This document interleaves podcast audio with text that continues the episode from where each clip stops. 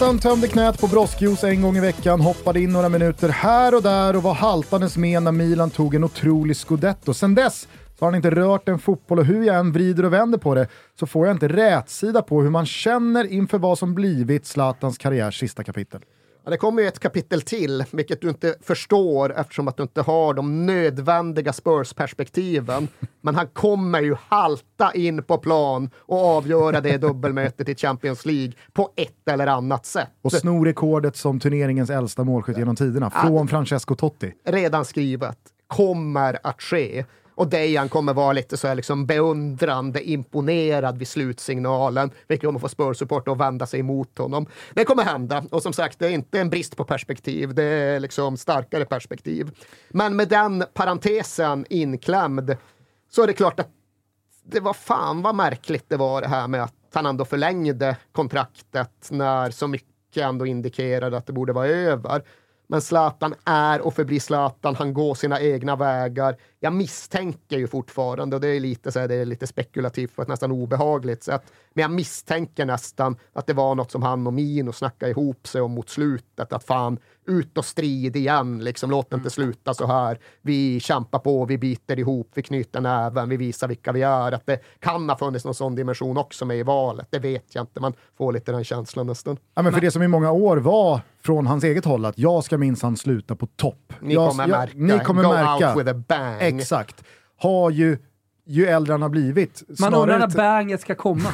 och hur banget ska te sig. Nej, men exakt, men på senare år så har han ju mer och mer pratat om och varit ganska öppenhjärtig kring att ja, men jag, jag, jag, jag vill inte sluta spela fotboll. Det, det, det är lätt att kanske vara lite styv i korken när man är 27 och vet att jag har 6-7 bra år kvar. Men när man är 36, 37 och vet att vad ska jag göra nu då? Det här älskar jag, det här är vad fan, jag vill ju det här. Och det finns ju något som är så jävla lätt känna med i det.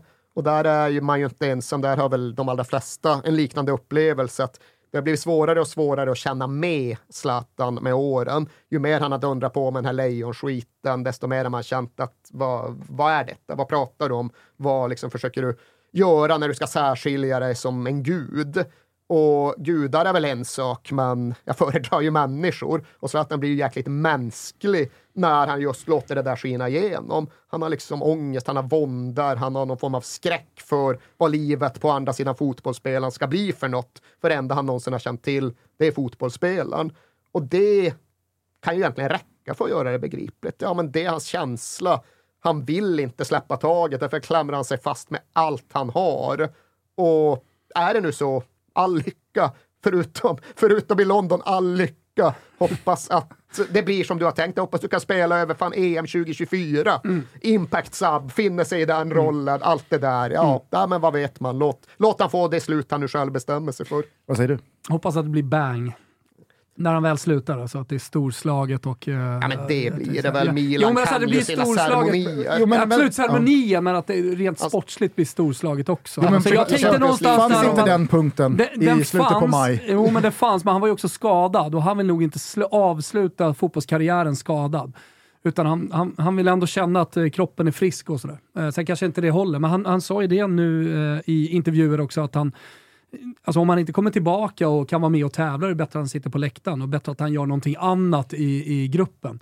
Och eh, det, jag tror att det, det fortfarande står, för att när han väl har spelat, nu var det liksom spr- sprutor i ett knä som var svullet varje dag när han vaknade. Det är nog inte så Zlatan vill avsluta sin karriär, utan eh, det verkar vara viktigt för honom att vara stark och eh, skadefri och eh, liksom ha, ha, inte bara yttre, utan Ehm, när han avslutar ska det inte vara skadad. Det, det, det tror jag, det tror jag någon, någonstans är ett sår i honom liksom, eh, med eh, knäskadan i Manchester United. Och att han själv inte kunde styra över det slutet. För att han, kunde han vara sk- skade, skadefri och fortsätta så hade det nog sett helt annorlunda ut idag. Och att det fortfarande är lite så med, med den knäskadan han hade förra året. Att det, det, det går inte för honom att avsluta. Ja, det med- kan ju finnas någonting i faktiskt den tanken. Han gör fan ett års rehab när alla egentligen uppfattar det som att det borde vara över. Och sen häver han sig tillbaka och gör en kvart borta mot Spezia. Och that's the bang. Det räcker. Alltså, nu fick ni se, jag kom tillbaka. Jag spelade en kvart. Det kanske inte är tre mål i Champions League-finalen. kanske är 17 minuter mot Spezia. Men det är Serie A-fotboll igen. Tack för mig. Nu har jag i alla fall kommit tillbaka igen. Men det har han ju redan gjort. Jo, men... Alltså, han har ju kommit tillbaka från den där knäskadan ah. som höll honom borta från EM 2021 och han kommer tillbaka. Visst, han, han gör inte mål i varje match och är Milans bästa spelare när de går och vinner scudetton. Men det slutar med att han spelar i den där guldmatchen borta mot Sassuolo. De vinner ligatiteln. Ja, han går ut med en champagneflaska och en cigarr i munnen. Om inte, alltså, när, när jag fattade att han väljer alltså inte att lägga av här, då fattade jag det här kan bli, det kan bli långa och kämpiga år framöver. Han tycker att han borde ha hållit ett bättre tal, han vill ju om det. Ja, ah, det vete fan. Nej, nej, nej. nej, nej jag, jag, tror det. Sällan hållit bra tal, Zlatan. Milans scudetto däremot, parallellt med Napolis uppgång och Juventus fall, var precis vad den italienska fotbollen behövde. Så är det ju. Alltså en uh, Juventus-dominans över ett decennium, det, det, gör inget gott åt en liga.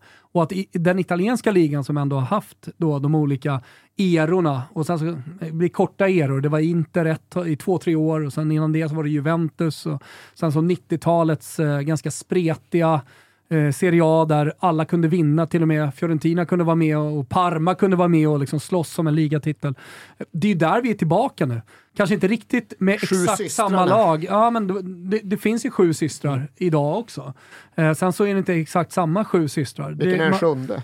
Ja, men det sjunde nu är Atalanta. väl uh, Atalanta, ja, ja precis. Ja. Exakt. Uh, och, och de med små medel men med jävligt uh, liksom smart klubbledning och bra sportchef har lyckats skapa det de har gjort och behålla, sig, behålla sin position i toppen av den italienska fotbollen är, är anmärkningsvärt. Och, och det, det, det tror jag någonstans visar också vad den italienska fotbollen är idag att uh, du, du, kan fort, fortfarande göra väldigt mycket med lite mindre resurser än de allra största inhemskt. Det är BK Häcken och överfört till Det går, ja, men det, det, det, går fortfarande. Atalanta uh, bevisar det och det kommer säkert fler lag, typ ett Fiorentina som skulle kunna bevisa, nu gör de allting fel hela tiden uh, och de, de, lyckas liksom inte ta det där sista trappsteget upp till toppen. men, men Napoli har ju uppenbarligen lyckats och, och de, de har ju liksom inga megaresurser utan hittar en Kvaratskhelia där och någon spanjor där och Osimhen. En stor korean. Men så är de smarta, så, eller så här, de, jag vet inte om de har haft tur eller om det har varit smartness, men, men när de spenderar sin sto, sina stora pengar så har man träffat rätt. Mm. Alltså med Osimhen till exempel, det var ändå 80 miljoner euro. Alltså, en, enorma pengar för, för Napoli. Tänk om den hade slagit fel, tänk om han hade fått en knäskada. Man spelar ju ett högt eh, spel när man, när man betalar de summorna. Men eh, också träffa rätt på tränare tycker jag eh, genom hela, eh, eh hela alltså vägen fram hit. När man faktiskt eh, leder racet om scudetton. Men eh, jag tycker att italiensk fotboll, det var det som frågan var, alltså, den är ju rolig nu. I och med att alla är med och tävlar och att Napoli leder. Jag tycker att det gör någonting. Det är inte bara de randiga storlagen. Juventus får skit varje dag i italiensk media. Och det, det, det, det säger jag inte bara som anti-Juventino, utan det, det, gör att allting blir så jävla mycket roligare. Ja, men det är klart att jämförelseobjektet i just den här diskussionen blir ju Bundesliga. Mm. Och det är ju så extremt mycket som är bra med Bundesliga och med tysk fotbollskultur. Men det visar ju sig ändå att det som händer högst upp i toppen har en sån jävla effekt på allt annat. För FC Bayern vinner Bundesliga vid nyår varje gång. Det dödar Vinner ju innan säsongstart. Ja, jo, alltså så är det ju. De gick väl ut och, och gjorde de sex på Eintracht Frankfurt borta, Europa League-vinnarna Eintracht Frankfurt i premiären. Jaha, det var den säsongen. Mm. Och det är klart att det förgiftar ju hela fotbollskulturen. Och som sagt, jag håller på ett övergripande plan tysk fotbollskultur som sundast i Europa, sundast i världen. Men det faktum att FC Bayern prenumererar på titeln gör att det ändå känns fel och trist och träligt. Mm. Och hade Juventus blivit FC Bayern, som de ju var under en period, ja då hade ju så mycket annat kvitt hittat. Nu känns det som att just den här jämnheten och oförutsägbarheten, det förstärker ju allt annat som är bra med italiensk fotbollskultur. Men jag tror för italiensk fotboll och, och fotbollskulturen också så var det viktigt att komma tillbaka lite i Europa, även om man inte är eh, på, på den platsen man var på 90-talet, eh, där det var ligan man kollade mot och, och, under många år också den bästa ligan och de bästa spelarna gick dit. Dit kommer man inte komma tillbaka, för Premier League har ett sånt eh, enormt eh, försprång rent ekonomiskt och det vet ju alla. Men att man kan gå vidare med Milan till en åttondelsfinal och möta Spurs på samma villkor. Att Napoli så där kan göra fyra på, på, Liverpool. Liksom. Att Napoli kan göra fyra på, på Liverpool. Alltså där, där har man inte varit sedan eh, 90-talet. Real Madrid manifesterade inte bara sin position som den europeiska klubblagsfotbollens allra mest självklara epicentrum, utan bjöd även på en uppvisning i alkemi, mirakelmakande och svart häxkonst i vårens Champions League-slutspel som vi aldrig kommer uppleva igen. Ja, det var ju ta mig fan episkt på ett sätt som ja, men saknar motstycke. Just att de gör olika typer av trolleritrick i precis vartenda skede av den där jävla turneringen. Och Real Madrid har ju, de har rätt mycket i sin vågskål. De har sin ja, men världsherraväldes-position och de har sin kraft och de har sin vita dräkt och de har Bernabeu.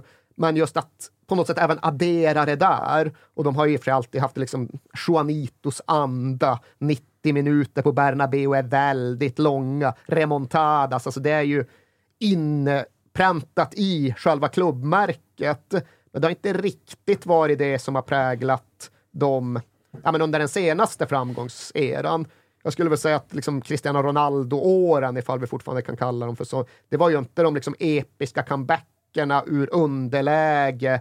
Det var inte liksom uppercutten som sänkte motståndaren när repen var som allra mest inpressade i eh, skulderbladen, utan det var en annan typ av segrar. Att vinna på det här sättet det gör ju också någonting med klubbens karisma och det gör det ju lättare för en utomstående att liksom känna för dem. Det är ofta rätt svårt att känna för Real Madrid, men den gångna våren så var det plötsligt ganska enkelt. Jag såg, eh, bara för några dagar sedan, så såg en sammanfattning av dubbelmötet mot Manchester City. Mm. Och efter varje missad målchans från Citys håll så klippte de på Peps reaktion.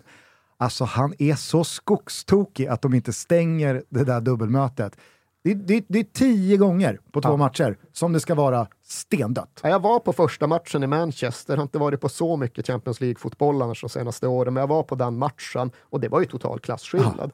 Ja. 5-1 känns som liksom ett rimligt mm. utfall, men på något sätt Benzema trollar fram en reducering och Vinicius får springa. Ja visst, där går de ju bort sig City. Det blir en reducering till. Men det är fortfarande, de har 4-2 med tio minuter kvar. Det är ju kraftigt i underkant. Som sagt, borde vara 5-1, men okej, 4-2. Så får han den straffen och så chippar han in den. Och, ja, sen returen på det, det är, som du säger, det, det Nej, men på Bernabéu, där, där leder ju City och det är, det är klart. Ja. Alltså det, det, det är tre minuter kvar. Ja. Jack Grealish har två, tre lägen och bara stänger där och det mm. räddas på mållinjen och Courtois med någon Han kommer in rädd. från alltså, vänster där, ja precis. Nej, men jag, jag, är förvånad över att Pep Guardiola liksom hämtade sig från det där. han har ju fått mycket ja. övning i att falla i Champions League det senaste årtiondet.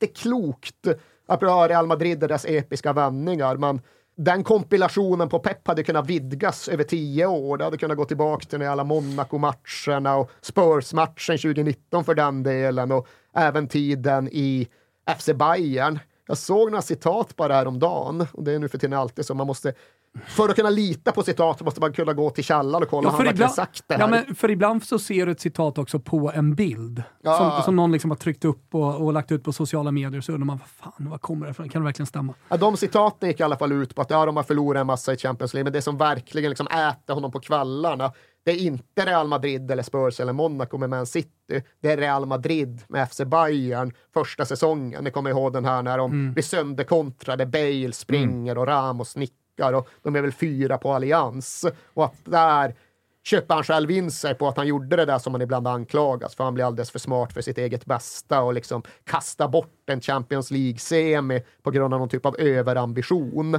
Men det är ju motsatsen till Real Madrids häxkonst, att alltid pressa fram Champions League-vinster. Men Citys förmåga att alltid kasta bort dem, för de har ju varit mina favoriter fem år i rad och lyckas alltid hitta ett sätt att förlora. Real Madrid vann och Carlo Ancelotti blev för första gången omnämnd som en av historiens allra största tränare. Och fel, det är det väl inte? Nej, det är klart inte. Det kan det inte vara. Sen förstår jag alltjämt reservationen, för jag tror också att Carlo Ancelotti är väl just en storklubbstränare, en oligarktränare, en stjärnor i omklädningsrummet-tränare. Och det kan ju inte vara egentligen en invändning egentligen, för det går ju att liksom prata om Pep Guardiola på samma sätt.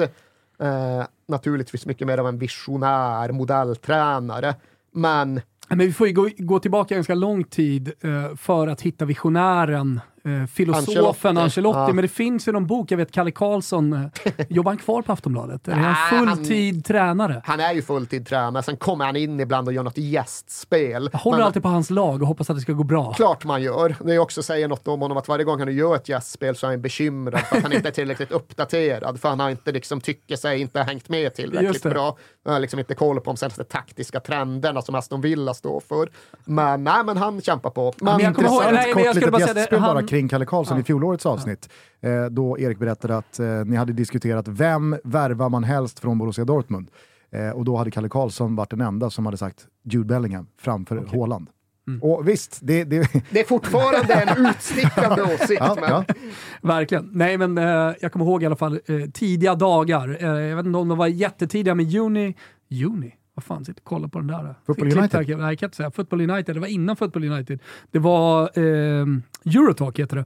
Där, där, vi, där vi satt och gjorde Eurotalk Weekend. Och då var han så Ja, men han, han, han var så sugen på en bok som Carlo Ancelotti hade skrivit om 4321, julgransmodellen, som tydligen eh, enligt eh, Kalle Karlsson, eh, Carlo Ancelotti var först med.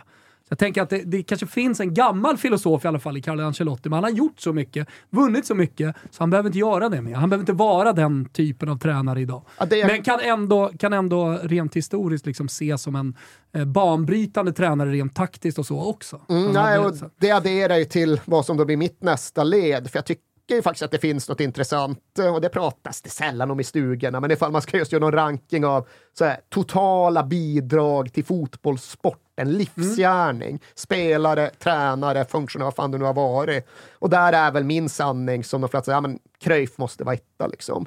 Cruyff måste vara etta, det går inte att se det på något annat sätt. Han gjorde så mycket, han förändrade så mycket. Men sen är det ju liksom, sen kan man ju bara kasta in namn i hatten.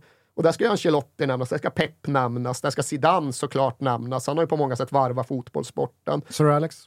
Ja, hans bidrag som spelare var ju ganska begränsat. En liksom tuffing som nickade på Ibrox. Men eh, ja, här är väl just tankegrejen att man inte Wenger? bara... Ja, hans spelarkarriär var ju också... Ja, men det, ska, du, sen- du pratar tränare som har liksom en framstående betydande jag pratar eh, liksom total också. alltså, du gjorde Ja, grejer ja. även som spelare, du vann saker som Ja. spelare, du var stor spelare. Och sen var du liksom, byggde du på det med din tränargärning, så man lägger det ena på det andra. Mm. Och där tycker jag just, för, ja, men Ferguson han blir distanserad av till exempel Zidane, för att Zidane var det ena plus Mm. det andra. Och Ancelotti har ju också det ena plus det andra. Han var Mm. inte Zidane på plan, men han var fan bättre än Alex Ferguson. Så sett till hans livsgärning, han måste vara en av dem i alla fall tio, det måste vara odiskutabelt, som har gjort mest inom fotbollen sett över hela livet. Och vad fan är inte det för hedersbetygelse? Det är ju, eh, fan större blir det inte. Men hur stor var eh, Arsène Wengers impact på den engelska fotbollen när han kom in och man skulle äta nyttigt och träna ordentligt eh, från att liksom gå till puben tre, fyra dagar i veckan?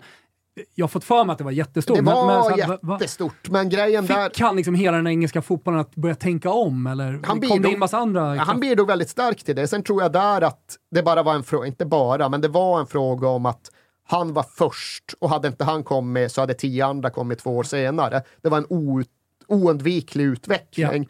Det som Cruyff gjorde och det som sen Guardiola har spunnit vidare på, det tror jag inte var oundvikligt på samma sätt. Där krävdes det att liksom någon bröt Fattar. barriärer som annars inte hade sprängts. Men det är klart att Wenger ska ha det med i sin livsgärning. Men som sagt, han som spelare var ju totalt obetydlig. Och här krävde det liksom nordisk kombination. Du kan inte bara ställa upp i backhoppning. Du måste fan göra längden också. Och nu när han liksom vill ha in en ny offside-regel och Men han har liksom väldigt mycket filosofiska tankar. Exakt, nu håller han ju på liksom att, att få mycket minus. Ja, det är deppigt för trots Arsenal och trots att han var liksom Arsenal under mina värsta år med Arsenal så har jag alltid hållit honom så jävla högt, alltid känt en nästan res vördnadsfull respekt för Arsène Wenger och det håller han ju på att de inte göra själv. När han stämde in i den här, liksom, eh, Tyskland höll på att protestera för mycket. Man ska, alltså det, när, han, när han ställde sig i... i, i, i liksom, Fel ringhöra. Ja, man ja, ställer sig men på när- Donald Trump-sidan Ja, av världen. när han höll liksom. på och jiddra om det under VM, då kände jag så här, nu, nu, nu Arsen. Ja, nej, men för just Okej, många några andra... jävla offside-regelförändringar, men det här, det, det här är ovärdigt. Ja, just, jag trodde bättre. Jag trodde verkligen bättre. Eh, Jag skulle bara säga det kring eh, Ancelotti. Jag tycker att, eh, alltså så här, jag förstår att man kan addera en livsgärning inom fotboll, men om man lyfter bort vad olika tränare har uträttat som spelare. För jag tycker ändå att det, det är en jävla distinktion. Vad gör du som spelare, vad gör du som tränare? 100%. Om man ser till vad, vad, vad man har gjort som tränare så tycker jag att Carlo Ancelotti verkligen är unik i det eh, som är på hur många ställen han har gjort det och över hur lång tid han har gjort det. Och framförallt under den tid han har gjort det. Och där tror jag väl att vi ändå måste sortera när det kommer till Ancelotti. Jag tror inte nödvändigtvis att han hade blivit liksom Nisse Lidholm ifall han hade börjat coacha på 70-talet. Men jag tror att han har varit perfekt för just vår tid. Han blev tränare när precis Carlo Ancelottis tränartyp behövdes. Och nu pratar jag om 2000-talsfotbollen, oligarkfotbollen, shejkfotbollen. För jag tror ändå liksom att det är inte att vara nedsättande att säga att hans unika styrka, hans USP, det är ju det där att samtidigt kunna hantera Abramovic eller Florentino Perez eller Cristiano Ronaldo eller Kaká i Milan eller Berlusconi. Alltså att kunna hantera de här larger than life-ägarna och de här extremstjärnorna till spelare. Och att kunna göra det i olika miljöer. Han klarar det i PSG, han klarar det i Madrid, han klarar det hjälpligt mm. i Chelsea, han klarar det i Milan. Det är det ju ingen annan som har gjort. Men det är ju en helt annan typ av uppdrag än att coacha ja, till och med Arsenal, men ännu mer Aston Villa eller Almeria mm. eller Atalanta. Alltså det är något annat. Men just den här tiden, de klubbarna, de städerna, de omklädningsrummen, ja, där är han ju oöverträffad. Han är liksom oligarkfotbollens främsta coach, eller främsta förvaltare kanske snarare. Ja, men det tycker jag är en jättebra sammanfattning. Hörrni, det är ju den tiden på året när Team of the Year-omröstningen går av stapeln och vem som helst kommer kunna rösta fram sin drömelva och det är utifrån 100 spelare som är nominerade. Och då tänker jag att jag ska hjälpa folk lite på traven. Om man vill rösta så är det ju EA.com, klassiska EA, alltså EA, EA.com. Där hittar ni omröstningen till The Ultimate Team of the Year, eller bara Team of the Year om man nu vill. Och i vårt samarbete med EA Sports så vill vi såklart också ge våran bästa elva, alltså vårat Team of the Year. Så det gäller bara att hänga med här och sen så får man ju hålla med mig eller inte hålla med mig. Men vi börjar bakifrån. Kom ihåg också att det är 4-3-3 uppställningen som man eh, måste använda sig av. Så man kan liksom inte hålla på och laborera med, med 4-2-3-1, julgranar eller någon annan skit. Utan det är 4-3-3. Och det kanske inte är några överraskningar. Men eh, jag går i alla fall, sett till hela året, på prestationer även från i våras. Så att eh, det är inte bara VM-spelare, det är ingen VM-11 detta. Utan precis som det låter, Team of the Year. Och vi börjar bakifrån med den självklara målvakten om ni frågar mig. Och det är inte Emiliano Martinez eller någon annan trött jävel, utan det är Courtois. Och eh, då kanske folk redan har glömt det, eftersom fotbollsvärlden snurrar så jävla fort att eh, Real Madrid, de gjorde kaos med precis allting på klubblagssidan. De vann ligan, de vann också Champions League och minns Courtois jävla monsterprestationer. Han kanske till och med borde ha vunnit Guldbollen. Nej, så kul ska vi inte ha. Men däremot så tycker jag att han är given i alla fall i Team of the Year som målvakt längst bak. Vi går till då fyrbackslinjen. Tänk att vi börjar utifrån höger. Det finns ju en del spelare där som eh, jag tycker har gjort jävligt bra säsonger och som kanske förtjänar ett omnämnande. Pratar lite om eh, Kyle Walker som har gjort det väldigt bra i Manchester City, också med hård konkurrens där. Reece James för att liksom fortsätta på brittspåret. Eh, men det finns en spelare som jag tycker sticker ut och han har jag hämtat från den franska ligan, från det bästa laget i den franska ligan, från Marocko! Hakimi jag tycker han verkligen förtjänar eh, en plats i Team of the Year. Dels sett till liksom hela, hans, eh, hela hans säsong, eh, sett till hur liksom smidigt och bra och tydligt. Han har blivit en nyckelspelare också i PSG.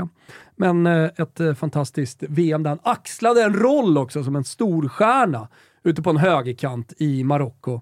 Och den där lilla Panenka-chippen som knappt lämnade Moder Jord ja, den tar vi med oss in i historien. Så Hakimi på höger, eh, högerbacken. Mittlåset då? Ja, men där finns det ju många bra spelare, många som kanske förtjänar ett omnämnande.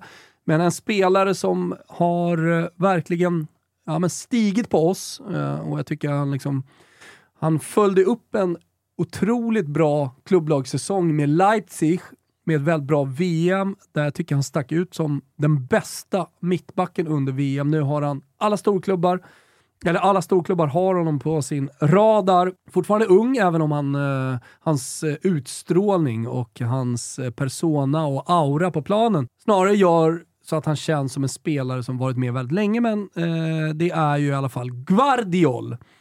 Han är, eh, äh, men jag tycker han är otrolig och han kommer vi liksom få leva med i många år framöver. Men han är redan nu med i, i Team of the Year för mig. Kanske även nästa år. Vi får se.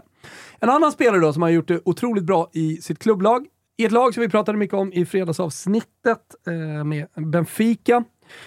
Så ja, Benficas säsong har ni koll på, gjorde väldigt bra i Champions League eh, och eh, den här spelaren tycker jag bara har gått från klarhet till klarhet sådär lite sent på karriären. Otamendi. Han eh, kanske inte är given för alla, men, men jag tycker verkligen eh, att han har varit bra och förtjänar att vara med i Team of the Year här. Och jag menar, är man en sån försvarschef i Argentina eh, i ett VM och eh, vinner VM-guld, alltså otroligt. Alltså vilket VM han gjorde, Nicolas Otamendi given i, här, eh, i den här fyrbackslinjen tycker jag. Till vänster, ja men där är det ingen som kommer varken bli besviken eller förvånad. Världens bästa vänsterback, heter sedan några år tillbaka och eh, de kommande tio åren också. Theo Hernandez. Både offensivt och börjar nu också sätta defensiven. Jag säger inte att han är komplett där. Han kommer fortsätta göra någon tabbe. Men eh, det spelar liksom ingen roll, för att han är så jävla bra. Och han är själva definitionen av en modern ytterback som Pioli verkligen har fått till det med Theo Hernandez. Otroligt. Hörni, måste lämna backlinjen. Vi går upp till mittfältet. Team of the year pratar vi om. Vi pratar om Neymar, Modric, Jude Bellingham. Där har ni min trio. Flytta ner lite Neymar i en uh, lite fri roll här uh, i mitt 4-3-3. Fantasista, gör lite som man vill. Uh, Neymar är alltid med i mitt team of the year, höll jag på att säga.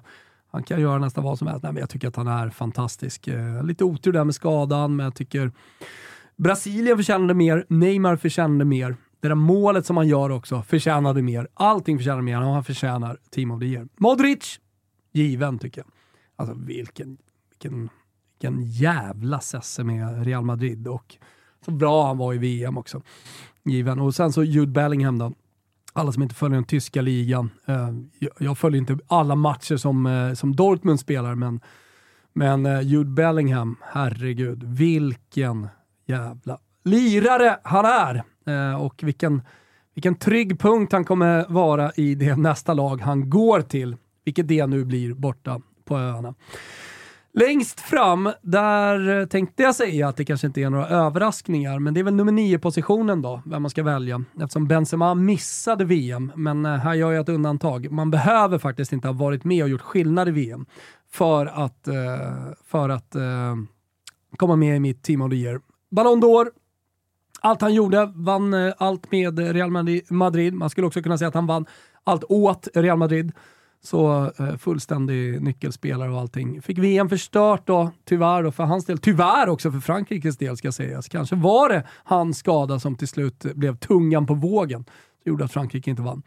Eh, men given nia här, eh, vem ska man nämna bakom honom? Eh, men det är ju typ Håland. Eh, men men eh, han kan ju såklart inte liksom, kliva förbi Ballon d'Or-vinnaren Benzema. Flankeras såklart då av eh, Mbappé och eh, Leo Messi. Leo Messi nästa års guldboll och runner-up till nästa års guldboll, Kylian e- Mbappé. Han, äh, äh, ja, alltså behöver ju typ äh, in, in, inte mer än ett omnämnande här. Jag tycker att alla ni som lyssnar på detta ska gå in på ea.com Kom och eh, ni kan också kolla på våra sociala medier där vi lägger ut eh, länkar till eh, den här omröstningen. Eh, ni väljer fyra försvarare, en målvakt, tre mittfältare och tre anfallare. Och så gör ni er egen startelva. Vi säger stort tack till EA Sports eh, för att ni är så jävla härliga och eh, kör Team of the Year där alla får vara med och rösta. Och det här blir ju då det globala folkets röst i slutändan det enda rätta. Får vi se hur många, hur många jag träffar och hur, hur mycket lika jag tycker som resten av världen.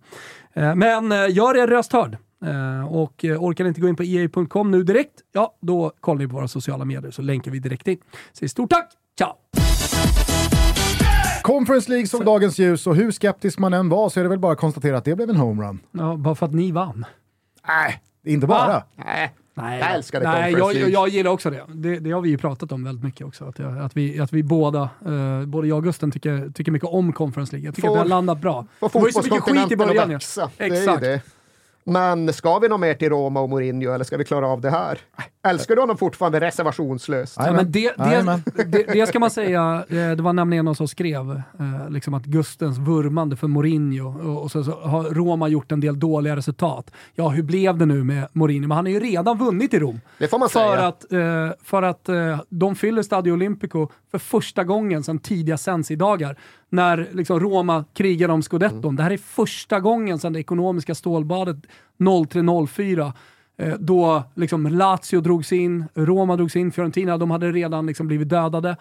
Och sen följde Milan, Inter, eh, Juventus delvis också, även om de alltid har varit starka med, med eh, Agnelli-familjen.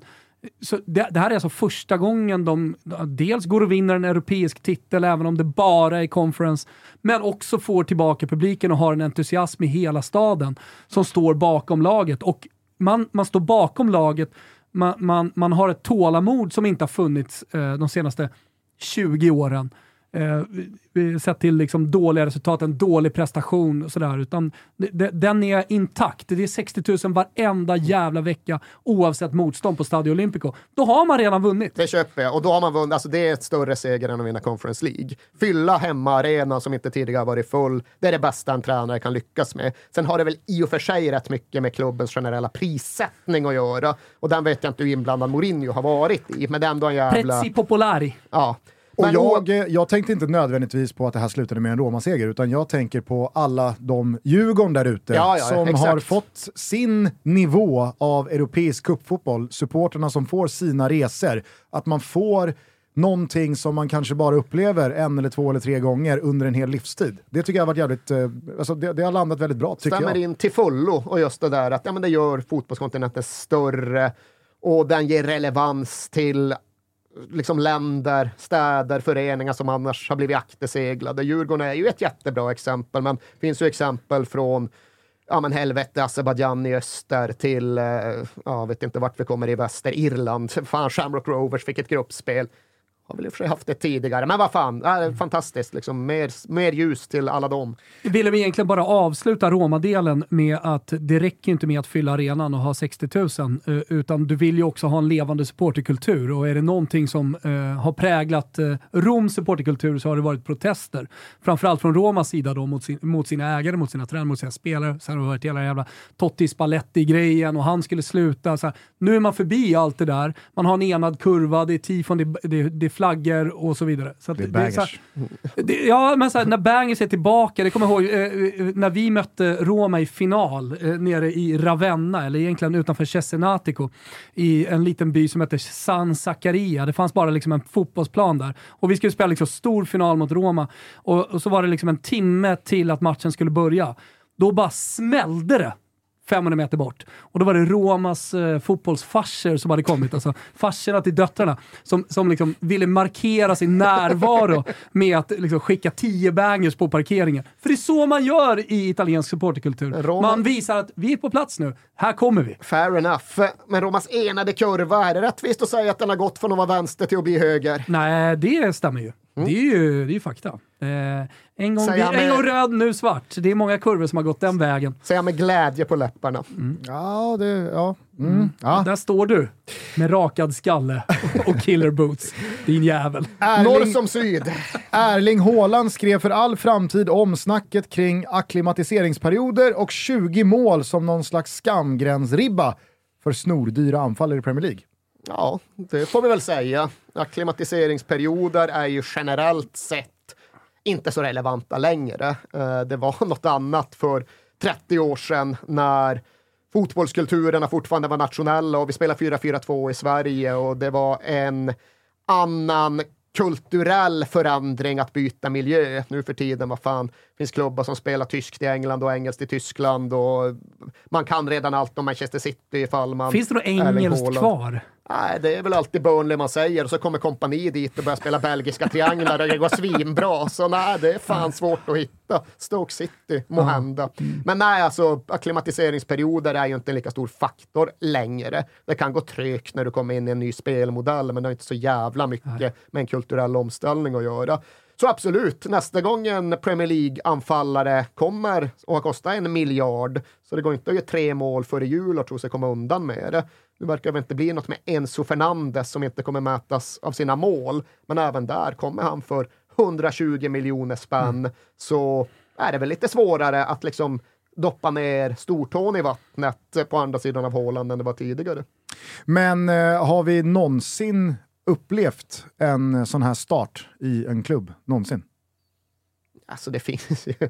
Fan hette, han hette Marco Negri som spelade för Glasgow Rangers på 90-talet. Gjorde så här. Vad gjorde Henrik Larsson då? Ja, nej, han började ju dåligt okay. Alltså jag kommer ihåg att jag 12-13 år gammal sveptes liksom iväg ordentligt av att José Antonio Reyes gjorde mål i sina fem första Arsenal-matcher. Och det var liksom så här, det är helt otroligt! var på en fa Cup-match mellan Arsenal och Chelsea, Reyes sköt, han gjorde två tror jag, men han sköt stenhårt i krysset och avgjorde. Tänkte man att här har vi en världsspelare.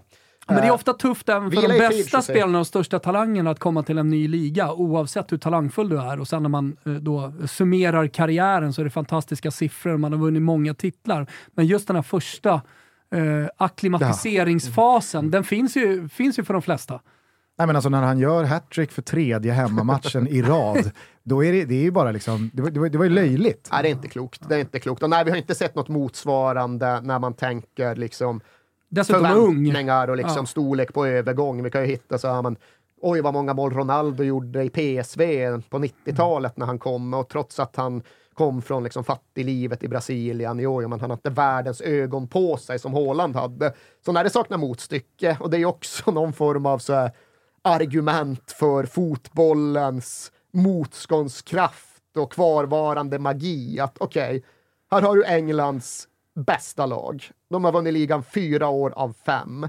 De har tränare som är erkänd som världens bästa. De har obegränsat med pengar. De utgår från den positionen. Och så hämtar de in världens mest eftertraktade spelare, de handplockar honom. Han har gjort tusen mål, han kommer göra tusen fler. Och de får inte bara effekt på det, de får ännu bättre effekt än någon hade kunnat föreställa sig. Han vräker in mål och lite förbannade Man City åtta poäng efter Arsenal när vi säger det här. Mm. Alltså det är ju, vad fan, hur, hur går ja. den ekvationen ja. Ja, det är så. Det, ja. Nej, det, det är otroligt faktiskt. Eh, I andra änden av eh, stan så red sheriff Erik Ten Hag in på Old Trafford och satte med Lisandro Martinez, Casemiro och brytet av Ronaldos kontrakt. Kurs mot fornstora dagar igen för Manchester United. Fornstora dagar och fornstora dagar. Vi får väl se. Deras fornstora dagar var jävligt glittrande. Men han har gjort bra saker. Han har tagit dem i rätt riktning. Han har ju visat det jag trodde han skulle visa. För som sagt, för ett år sedan satt vi väl här och liksom tänkte att ja, det har väl Spurs kanske missat någonting när vi valde att satsa på andra hästar. Så jag tycker Ten Hag har gjort det svinbra. Sen är det klart att när Antonio Conte skulle säga Får du in erfarna mästare, ja då är det inte så jävla svårt. Får du in Casemiro, Eriksen, har du Rafael Varane där bak, kan du handplocka Martinez och för den delen Antoni från din gamla miljö, ja det är klart som fan att resultaten kommer då. För nu har de verkligen en stomme, nu har de en ryggrad med just Varann som jag tycker verkligen spelar så bra som han kan vara nu igen. Varann, Casemiro, Eriksen, Bruno Fernandes. Rashford. Ja, Rashford också. That's a team liksom. De Gea har ju verkligen också ja, han har, snäppat upp sig. Jag kan inte säga att han har spelat ihop till sin lön, för det är fan omöjligt. Men han har spelat bra fotboll igen, han är skicklig. Så har du den ryggraden, har du den stommen, har du dessutom möjlighet att liksom krydda det med bra spelare. Det vore fan konstigt om du inte fick till det. Men det är ofta den svåraste utmaningen nu. Men, värva en stomme. Förut så fostrade du en stomme. Du var Man United och du fostrade fram the class of 92. Du satte dit Roy Keane, du hade Peter Schmeichel i mål. Det är en stomme. Det var ju Man City-problem. Hur fan värvar man en stomme? Det är mycket mm. svårare att liksom köpa och transplantera in en ryggrad. Men de lyckades efter lite laborerande med ja, då Joe Hart, kompani, Yahya Touré och sen Agüero. Men det är fan det är ju det stora tricket när du kommer in i något nytt och dysfunktionellt. Hur fan får du dit ryggraden? Och det tycker jag nu han har lyckats med. Det kommer ju såklart inte sluta i någon titelstrid och vill det sig illa så kanske man eh, bränner Champions League även den här säsongen. Men så här i årsskiftet 22-23 så upplever jag i alla fall att en otroligt stor majoritet av Manchester United-supportrarna är ju extremt nöjda med vad Ten Hag har gjort på Nej, ett men Det halvår. ska de vara i och med att de blir bättre hela tiden. Och det, det är en tränare att ha tålam- tålamod för och en tränare att stötta och man kan se första gången på länge framtidstro, eller man kan ha framtidstro och man kan ha hopp om eh, titlar, kanske inte i år då, men om eh, ett par, tre år så kan man vara med och slåss om ligatiteln igen. Så att, eh, det, det, det är klart att eh, det som Erik beskriver som en ryggrad, alltså att försöka hitta någon, någon stabil stomme i det där laget som, som liksom håller över tid.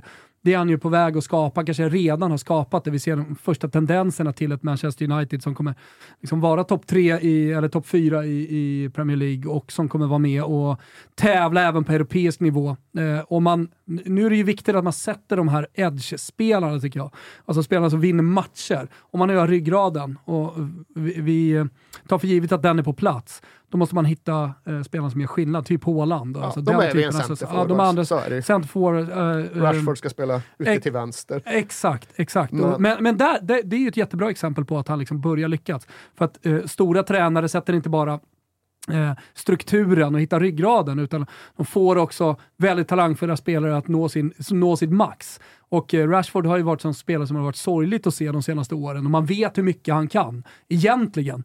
Eh, och nu har han börjat hitta tillbaka till den. Eh, liksom, eh, Ten Hag har hittat den spelaren igen och han har börjat leverera. Ja, Det jag också tycker imponerar, det är ju, jag ska inte liksom använda det som ett argument mot Ancelotti, men ändå liksom utifrån den diskussionen. Det jobbet han har nu är ju ett helt annat jobb Mm. än det han hade i Ajax. Ajax, utveckla, utbilda, få unga killar att ta kliv och växa samman efter en given modell. Idealism nästintill på liksom någon form av fotbollsnivå. Det här är ju pragmatism och det här är utifrån en helt annan kostym.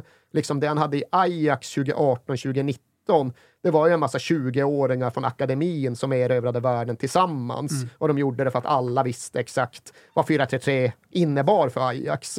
Vad fan som svensk fotboll och 4-4-2 förr i tiden. Det fanns en modell. Och nu kommer han in finns ingen modell i Manchester United. Akademin, ja, den är ju fantastisk på sitt sätt, men den tuggar ju inte ur sig modellspelare. Och vad var det Ronaldo sa? Att Carrington börjar falla, Ja, falla ihop lite grann. Att faciliteterna är inte vad de en gång var, att man måste renovera och så. Men Ajax är ju ändå ett utvecklings och utbildningsjobb numera. Man United är näst största klubben i världen, beroende lite på hur man räknar. Och det är just Casemiro, det är Varane, det är Christian Eriksen, det är fullblod som i många ögon kanske är på väg lite ut för. Det är Cristiano Ronaldo, hanterar det med allt vad det nu innebär. Så det är ett helt annat jobb. Och det är inte så jävla vanligt att du lyckas med det ena lika väl som du lyckas med det andra. Det gäller tränare, det gäller spelare. Ja, nu klarar sig passningsklonerna från Barcelona i en annan miljö. Det är alltid en diskussion. Det är precis samma sorts diskussion här och Ten Hag imponerar. Ja, jag tycker också, alltså, med de här smällarna han åkt på också, premiären mot Ja. Brighton, 0-4 mot Brentford,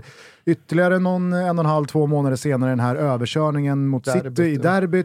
Alltså att, att han ändå har behållit ett jävla lugn Ja. i den där starten. För att, hej, han har inte varit på posten länge, men i den här moderna kontexten, Alltså, det hade inte varit eh, ovanligt med eh, ett panikbeslut att nej, vi skiftar. Eller, Ja, eller- nu hänger han löst. Eller att han börjar ta panik. Exakt, Liksom. exakt. Han visst Ronaldo, du får göra vad fan du vill, bara du gör några mål nu. Exakt. Eh, de delat mesta franska ligamästarna saint Etienne imploderade som klubb och även fast man åkt ur Ligue 1 och tagit sig tillbaka förr så känns det annorlunda nu. Au revoir. Ska vi tacka av Saint Etienne? Jag, Jag, att du, vägrar. ja, men du, jag du får väl vägrar. säga emot mig här då i. Älskar Saint Etienne, för fan. Det är- det derbyt mot Lyon, då är det ingen diskussion om vilken sida man står på. Det, det, är också, det är också roligt, alltså, ursäkta alla flickfotbollsreferenser, men vi mötte dem i Lyon. Eh, Jaha. Och, eh, då, De då, kommer bangers, deras Nej, men hoppas jag. alltså, så här, då hade vi ju spelat i Italien med deras föräldrar och det var fullständig kalabalik. Hade det hänt i Sverige så hade de stängt ner flickfotbollen för all framtid, mer eller mindre det som hände under de kupperna. Men eh, det värsta var ändå när vi stötte på Sankt Etiennes föräldrar i, i Frankrike. För där var det körning. Det var liksom Ultras föräldrar rakt igenom, både på, både på mammor och papper. Det glädjer mig mycket. 4-1 till, eh, till tjejerna. Ja, men alltså, här får vi ändå ta någon form av övergripande avstamp och konstatera att det finns ju en handfull riktiga fotbollsstäder i Frankrike. De är inte skitmånga, för länge var ju Frankrike en rugbynation. Men det var alltid fotboll i Lens, det var alltid fotboll i Nantes, det var alltid fotboll i såklart Marseille och det var kanske mest fotboll av allt i Saint-Étienne. Och det är ju det är ju Frankrikes Burnley liksom. Eh, bortglömd, nedgången, gammal industristad, fan, allt hopp är borta. Ingenting talar längre för dem, men jävlar vad de fortfarande kan fylla upp sin fotbollsarena med både folk och med känslor. Och ibland rinner det då över, som vi såg när de Mm. åkte ur. Men det finns en så stark inneboende kraft i den föreningen att jag är övertygad att de studsar tillbaka. Frankrike är inte closed shop på Nej. det sättet heller. De ligger heller inte trea eller sjua, utan de ligger tvärsist Jo, nej, men de kanske måste Ligue 2. ner ytter, de kanske måste omstrukturera skiten. Liksom italiensk Fiorentina-modell. Lägg till någon bokstav och akronym och sen kör vi igen. Liksom. Men att igen kommer tillbaka och liksom, vi bara kolla nu Bordeaux, de åkte ner, man fan höll på att räkna bort Bordeaux, de är ju på väg upp igen. De är Ja, redan, men vi liksom, måste ju tro på studs. det, eller hur? Men sen det, det löser Det sig. De har puls. Ja. det, är, men alltså, det är ju ändå utifrån just en form av årssammanfattande spaning. Om vi ändå berör franska gruvstäder präglade av fotboll, måste nämna Lens. Mm. För Lens har ju varit så jävla på däck, de har ju varit lika illa ute nästan. Och nu slår de PSG och liksom studsar mot ligatoppen. Och det är fan, ja men just precis här och nu är det fotbolls-Europas största story. Att Lens välter allt över ända. För det, har någon varit i Lens? Nej. Saint Etienne är deppigt som fan. Lars är så jävla deppigt. Alltså, Martin Åslund hade vänt vid stadsgränsen. Ursäkta, eh, Cortado. Eh, Excuse-moi. Ja, är, det, är, det, är det mycket Cortado. deppigare än saint Etienne, Det är det. då, då, då eh, tänker jag inte åka dit. För att saint Etienne, det var inte roligt. Nej, det, det är det inte. Men Lans, ja, det är fan sju resor värre. Helvete vilket shithole det är. Passa Ja, men, på att eh, hylla Lyon då, eftersom vi Ja, pratar om franska städer. sofistikerade Ja, jävla men, la, jag, var, jag var aldrig inne i stan. Det enda gången jag varit inne i stan så var jag på Brasserie Georges med Gusten och Kim Wirsén som eh, jag klipper på det. Men eh, nu var jag bara på landsbygden. Jävla mysigt. Fy fan, tillbaks till Rönninge-betongen med dig. Du håller på att hamna vilse här. Eh, puls på saint Etienne i alla fall, skönt. Eh, Sadio Mané blev den absoluta toppfotbollens genuint mest uppskattade och älskade spelare och tog över den titeln från N'Golo Kanté. Du tänker med alla liksom uppbyggda sjukhus hemma i Senegal och så vidare. Jag tänker att någonting från fotbollsåret 2022 som jag bär med mig, det var att världen fick någon form av liksom ny kärleksvåg för Sadio Mané i takt med att han gjorde ett jävla bra sportsligt år också. Må hända att det slutade eh, på tråkigt sätt med att han inte kunde spela VM då, skadad för Senegal. Eh, det, det, det var bara, liksom, det var bara den känslan. Ja, jag, här opponerar jag mig. Jag Jaha. upplever att liksom det Kanté hade runt sig VM 2018, den liksom unisona uppslutningen bakom idén om honom som fotbollsvärldens maskot, den har ändå inte Mané. Mané har någon form av edge som gör honom lite mer svårtuggad. Jag förstår ju vart du kommer ifrån och herrejösses, han går där och vinner afrikanska, men det fanns ändå någonting i ja, men den faktiska rivaliteten med Mohamed Salah som fick en att känna att fan, det finns ett jävla ego, det finns ett hävdelsebehov, det finns mer än en anledning till att han lämnar Liverpool för FC Bayern. Och just den grejen som inte uppfattas runt Kanté, den tror jag gör att det är två olika grejer vi snackar om. Men är då Kanté kvar på den här tronen eller finns det någon annan som ni upplever som den absoluta toppfotbollens unisont mest älskade spelare? Oj, fan, nu får Wilbacka ta ett ansvar så får jag fundera. Men är du med mig i alla fall på känslan kring Manés 2022? Att liksom så här, den, den, Ja, men jag tycker inte han är lika älskad. Alltså, det marginalfotbolls, Kanté hade- eh, liksom, supporten som följer Jo, fotbollen. men det Kanté hade- 2022 det- hände någonting. Det Kanté hade, det, det var en bra gubbe, uppenbarelse, alltså. jo, men det, det, det var en uppenbarelse även på planen. Han var den här blyga killen, han gick ut med det franska landslaget på planen. Bland alla storstjärnor med konstiga frisyrer och så vidare så var han liksom, han, han var någon slags, eh, något slags ankare.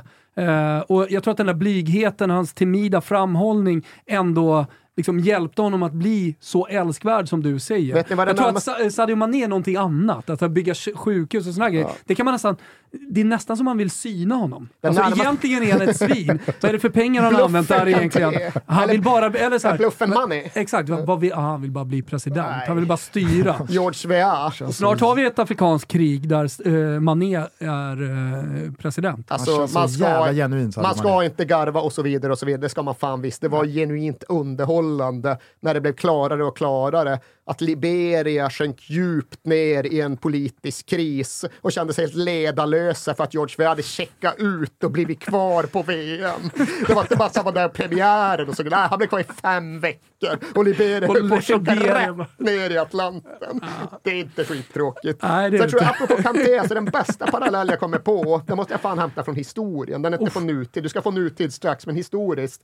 Det närmsta jag kommer Kantés position i våra fotbollsliv, Simon Tibbling i U21-landslaget. Ja men det har du ju. Han var fan Du och jag på samma mästerskap, det har inte hänt många Ja, just- gånger. Men nej, där men var ja, det. Men det var det andra. Det, Det var, just det, det var det andra. När han andra. grät på, eh, i mixad zon hade blivit efter matchen för att han skadad, trodde... ja. Nej, Hans landslagskarriär var över, han hade gjort så mycket med U21. Ja, det var du hade faktiskt- promillehalt på 2,7. min stoltaste mixade zon, eh, mitt stoltade mixade zon ögonblick var när, när ingen av, du stod och pratade med Håkan Eriksson, ni hade någon egen liten verksamhet som pågick, samtidigt så som Aftonbladets, Expressens alla utsända för att vara vargar i mixade zon, stod och pratade med Simon Tibbling och ingen frågade varför han grät. Alltså, man kan ju köpa förlusten och så vidare, men det fanns ju någonting mer i de där tårarna. Då fick Wilbur José kliva fram och ställa frågan Simon, varför gråter du? Och då, då sa han ju att Nej, men det är väl det sista jag gör i landslagssammanhang detta. Typ den enda ur det där vinnande U21-landslaget som aldrig fick en A-landskamp. Han kanske har någon januari-turné i och för sig, men aldrig någon riktig. Men den närmsta vi kommer, snarare än Mané från 2022, skulle jag fan säga Luka Modric. Och det är inte på det här maskotsättet, men just någon som alla i fotbollsvärlden är överens om, vilken jävla toppgubbe liksom. Bra, bra kontring. Bättre än Tibbling.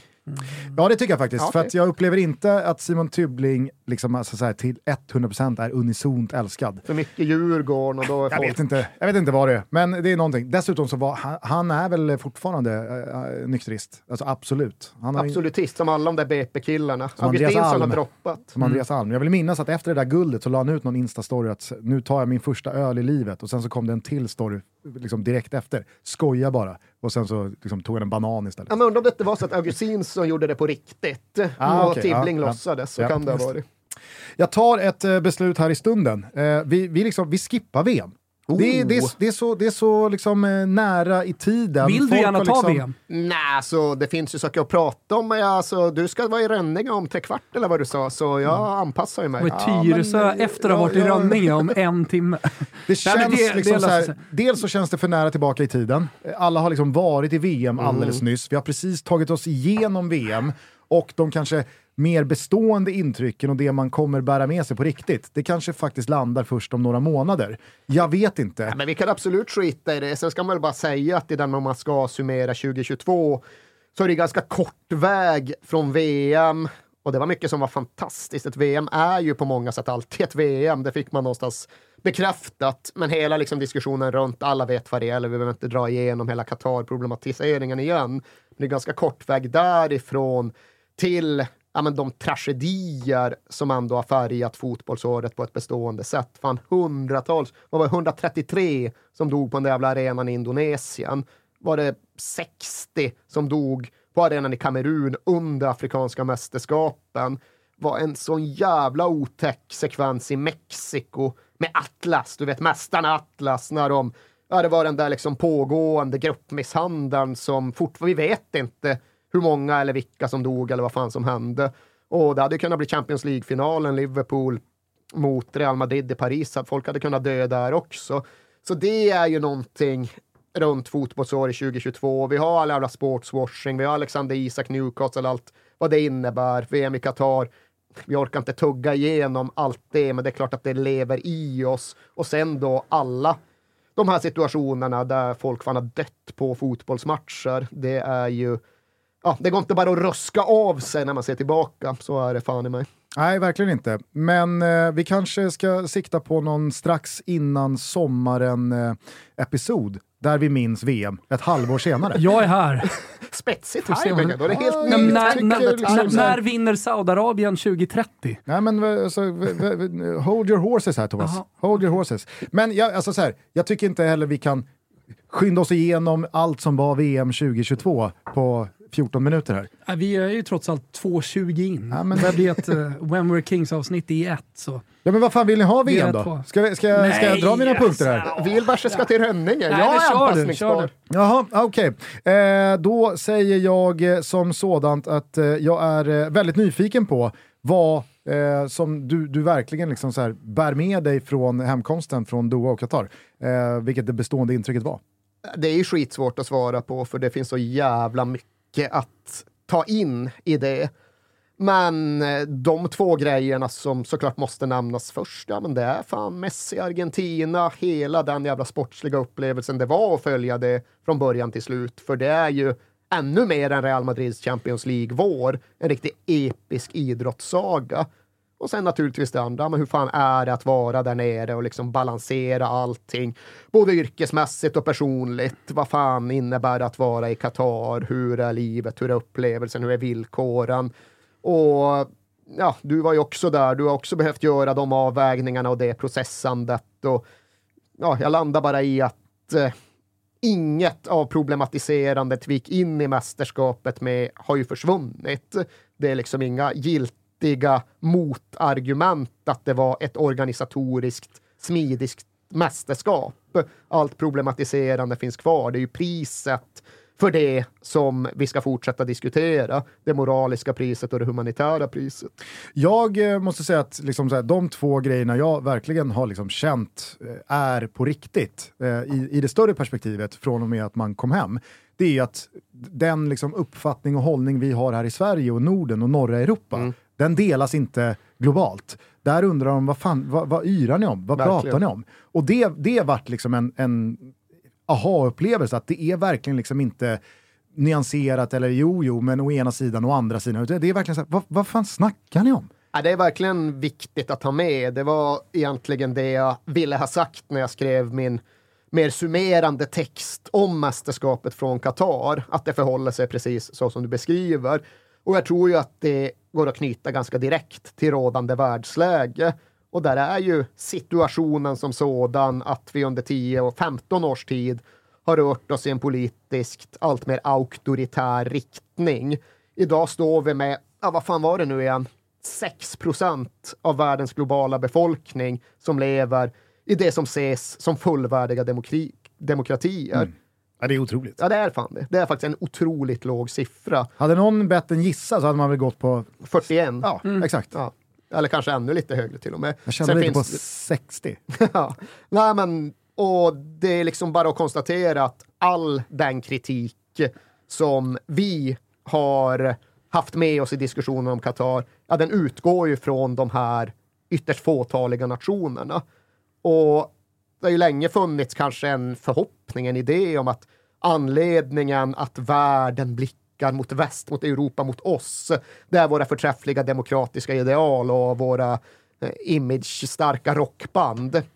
Nej, det är liksom pengar. Det är ekonomiskt välstånd som gör det. Och nu håller det ekonomiska välståndet på att försvinna någon annanstans. Det Exakt. håller på att landa i öst, i Asien, mer än i Selling a little or a lot? Shopify helps you do your thing however you cha-ching. Shopify is the global commerce platform that helps you sell at every stage of your business. From the launch your online shop stage to the first real life store stage, all the way to the did we just hit a million orders stage. Shopify is there to help you grow. Shopify helps you turn browsers into buyers with the internet's best converting checkout. 36% better on average compared to other leading commerce platforms because businesses that grow grow with Shopify. Get a $1 per month trial period at shopify.com/work. shopify.com/work. EU och då kommer ju också dragningskraften att eh, försvagas och vår diskussion, vår debatt, vår åsikt i frågan kommer vara mindre värd. Och är det någon som har fattat det så är det Gianni Infantino. Han begriper att ja, okej, det kan mullras en del uppe i Europa. Och det är väl ett problem eftersom att fotbollen fortfarande utgår därifrån. Men det är inte ett så stort problem att jag behöver lyssna så det är jättemycket för det finns många andra länder där ute. Och det var precis det som var min andra starka, tydliga känsla som man kom hem med. Att det här mästerskapet har trots all kritik härifrån, från de här delarna av världen, det har genomförts, det har bedrivits, det har uppskattats av väldigt, väldigt många. Cristiano Ronaldo går nu till Saudiarabien, en, alltså en av de absolut största fotbollsspelarna i historien, är redan där.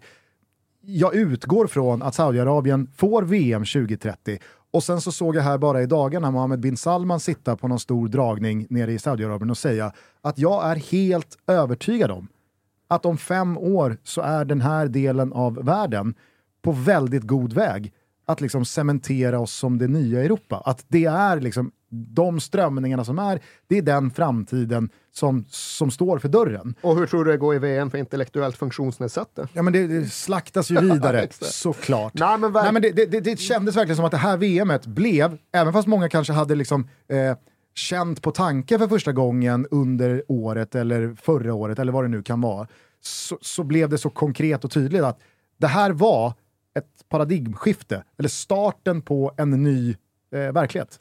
Ni har väl under dessa sju år märkt att ifall det ska vara dystopisk domedagstrummande så är jag inte sen att stå där med vispen. Och jag delar ju väldigt mycket av den här Den här känslan. vispen. ja, exakt. Det vispas på virveltrumman. Uh, nej, men det fanns ju ändå någon idé eller någon tankebana in i VM om att fan, det här kanske är liksom linjen i sanden hit men inte längre. Nu går fotbollen till Qatar utifrån något gammalt beslut från ett genomkorrupt Fifa, men sen blir liksom motreaktionen för stark och sen retirerar fotbollen tillbaks till sans och balans. Och det var ju en tankebana som jag liksom hoppades mycket på. Fan, det vore ju fantastiskt om just motreaktionen blir så kraftfull att fotbollen måste lägga band på sig själv. Och på andra sidan mästerskapet så uppfattar jag precis som du att nej, inte alls. Nej, nej. Och det här är bara in- början. Det här är bara början och det är inte för att det var liksom för svaga eller för ogrundade protester från Sverige eller Danmark eller Tyskland eller Australien. Liksom, det sköttes väl från organiserade supporterled och från liksom fotbollens olika aktörer och intressehavare. Det är liksom inte det som är problemet, utan problemet är att makten är på väg någon annanstans och vår röst försvagas. Och jag åkte ner och trodde att det där med Saudi 2030, ja men det kommer ju visa sig omöjligt. Kan ju inte lägga två av tre VM i samma del av världen. Nu är jag också sådär att det lär ju hända. Så lär det väl säkert bli. Och det här går ju någonstans i linje med det jag ofta återkommer till när jag liksom filosoferar på ett övergripande sätt om morgondagens fotboll. Den kommer skiktas, den kommer delas upp, det kommer bli frågan om två, tre olika fotbollssporter. Och när vi får den här jävla superligan så blir den inte europeisk, den blir global. Där kommer saudierna, kineserna, eh, indierna garanterat också, amerikanerna. De kommer ju vara starka makthavare. Så Inte bara makthavare, de kommer ju också vara värdar. För det, det Ja, ja. kände jag när jag var där nere. Ja, men här, här är ju för fan spelplatsen redan klar. När den här superligan drar igång om tre år, eller om fem år, det är klart den kommer spelas i Doha. Mm. ja, När, där det. det här, när det här Fifa klubblags-VM sväller till eh, 32 lag och de ska köra den en månad. Det, det, det, det står ju här, det är klart. Och det säger också någonting om liksom beslutsgången och vilket hopp man har om att liksom processa bort olika värdelösa framtidsscenarier. Helt plötsligt glider bara Infantino in på den där avslutningsceremonin och säger bara förresten, nu kör vi klubblags-VM. Det ska vara som ett landslags-VM, ska ta en månad, 32 lag. Alltså det har inte ens diskuterats. Det har inte ens varit uppe på någon form av projektbas. Ja, det, nu kör vi bara. Ja, men vad tror du Real Madrid säger? Vad tror du Liverpool? Det skiter han någonstans i, för på något sätt räknar han hem det där. Han är väl förmodligen trygg att ja, de kanske säger nej. Ja, men då kör vi med Al Nasser och så ser vi till att Al Nasser får ännu bättre lag. Så kommer folk kolla på Al Nasser och det är även där förmodligen en globalt riktig analys. Det kommer, de kommer få ihop det. Fan, 2023 spåkulen, vet vad som händer 2023? Infantino drar igång sin afrikanska superliga. Och det har ju verkligen klubbats i skymundan här. Ja, det blev ingen europeisk superliga, men det blev en afrikansk. Där liksom Raja Casablanca, denna fantastiska klubb, ska möta Orlando Pirates, Sydafrika, denna fantastiska klubb, TP Mazembe, Kongo. Och det låter ju på ett sätt ganska aptitligt, men bland fotfolket i fotbollens Afrika så finns det ju samma syn på deras superliga som vi hade på våran. Det här kommer bara splittra allt ännu mer och göra några få väldigt rika och alla andra helt jävla kraftlösa. Men det ska ske, de kör igång i augusti liksom. Gått helt förbi. Absolut. Ja, ja. Jag, jag, jag tänker i alla fall, Alltså- rent sportsligt så tycker inte jag att vi behöver eh, prata så mycket VM. Eh, vi, vi har inte gjort annat i den här podden senaste en och en halv månaden, så att jag, jag tror att det är så pass färskt. Känns det okej? Eh, Vad händer med Amrabat? Ja, han går ju någonstans såklart. Han går till Premier League där Han pengarna är, finns. han är inte i spel. Alltså, Jo, han, eh, han eh, kom in eh, istället för den egenfostrade talangen, heter han Alessandro, han heter i alla fall Bianco i efternamn. Eh, gjorde ju fantastiska 60 minuter eh, på mittfältet i Fiorentina. Nu är Amrabat tillbaka. Eh, så att, eh, nej, men han spelar och jag tror att han kommer vara kvar till sommaren. Och sen så kommer han gå till ja, någon av Premier League-jättarna. Det har ju varit olika rykten. Men eh, jag tror inte han kommer vara lika bra som han var för Marocko eh, någonsin i ett klubblag. Nej, så jag väl tror att det är en spelare, alltså, nu är han ju inte den spektakulära spelartypen, eh, men eh, jag... Jag alltså, han gör inte mycket väsen av sig på planen eh, när han spelar i Fiorentina. Han är ju till och med, förra säsongen var ju petad Mm. mycket också. Och sen har han gjort en mycket bättre höst, men framförallt så har han gjort ett fantastiskt VM för Marocko. Det är lite ju- det han har gjort.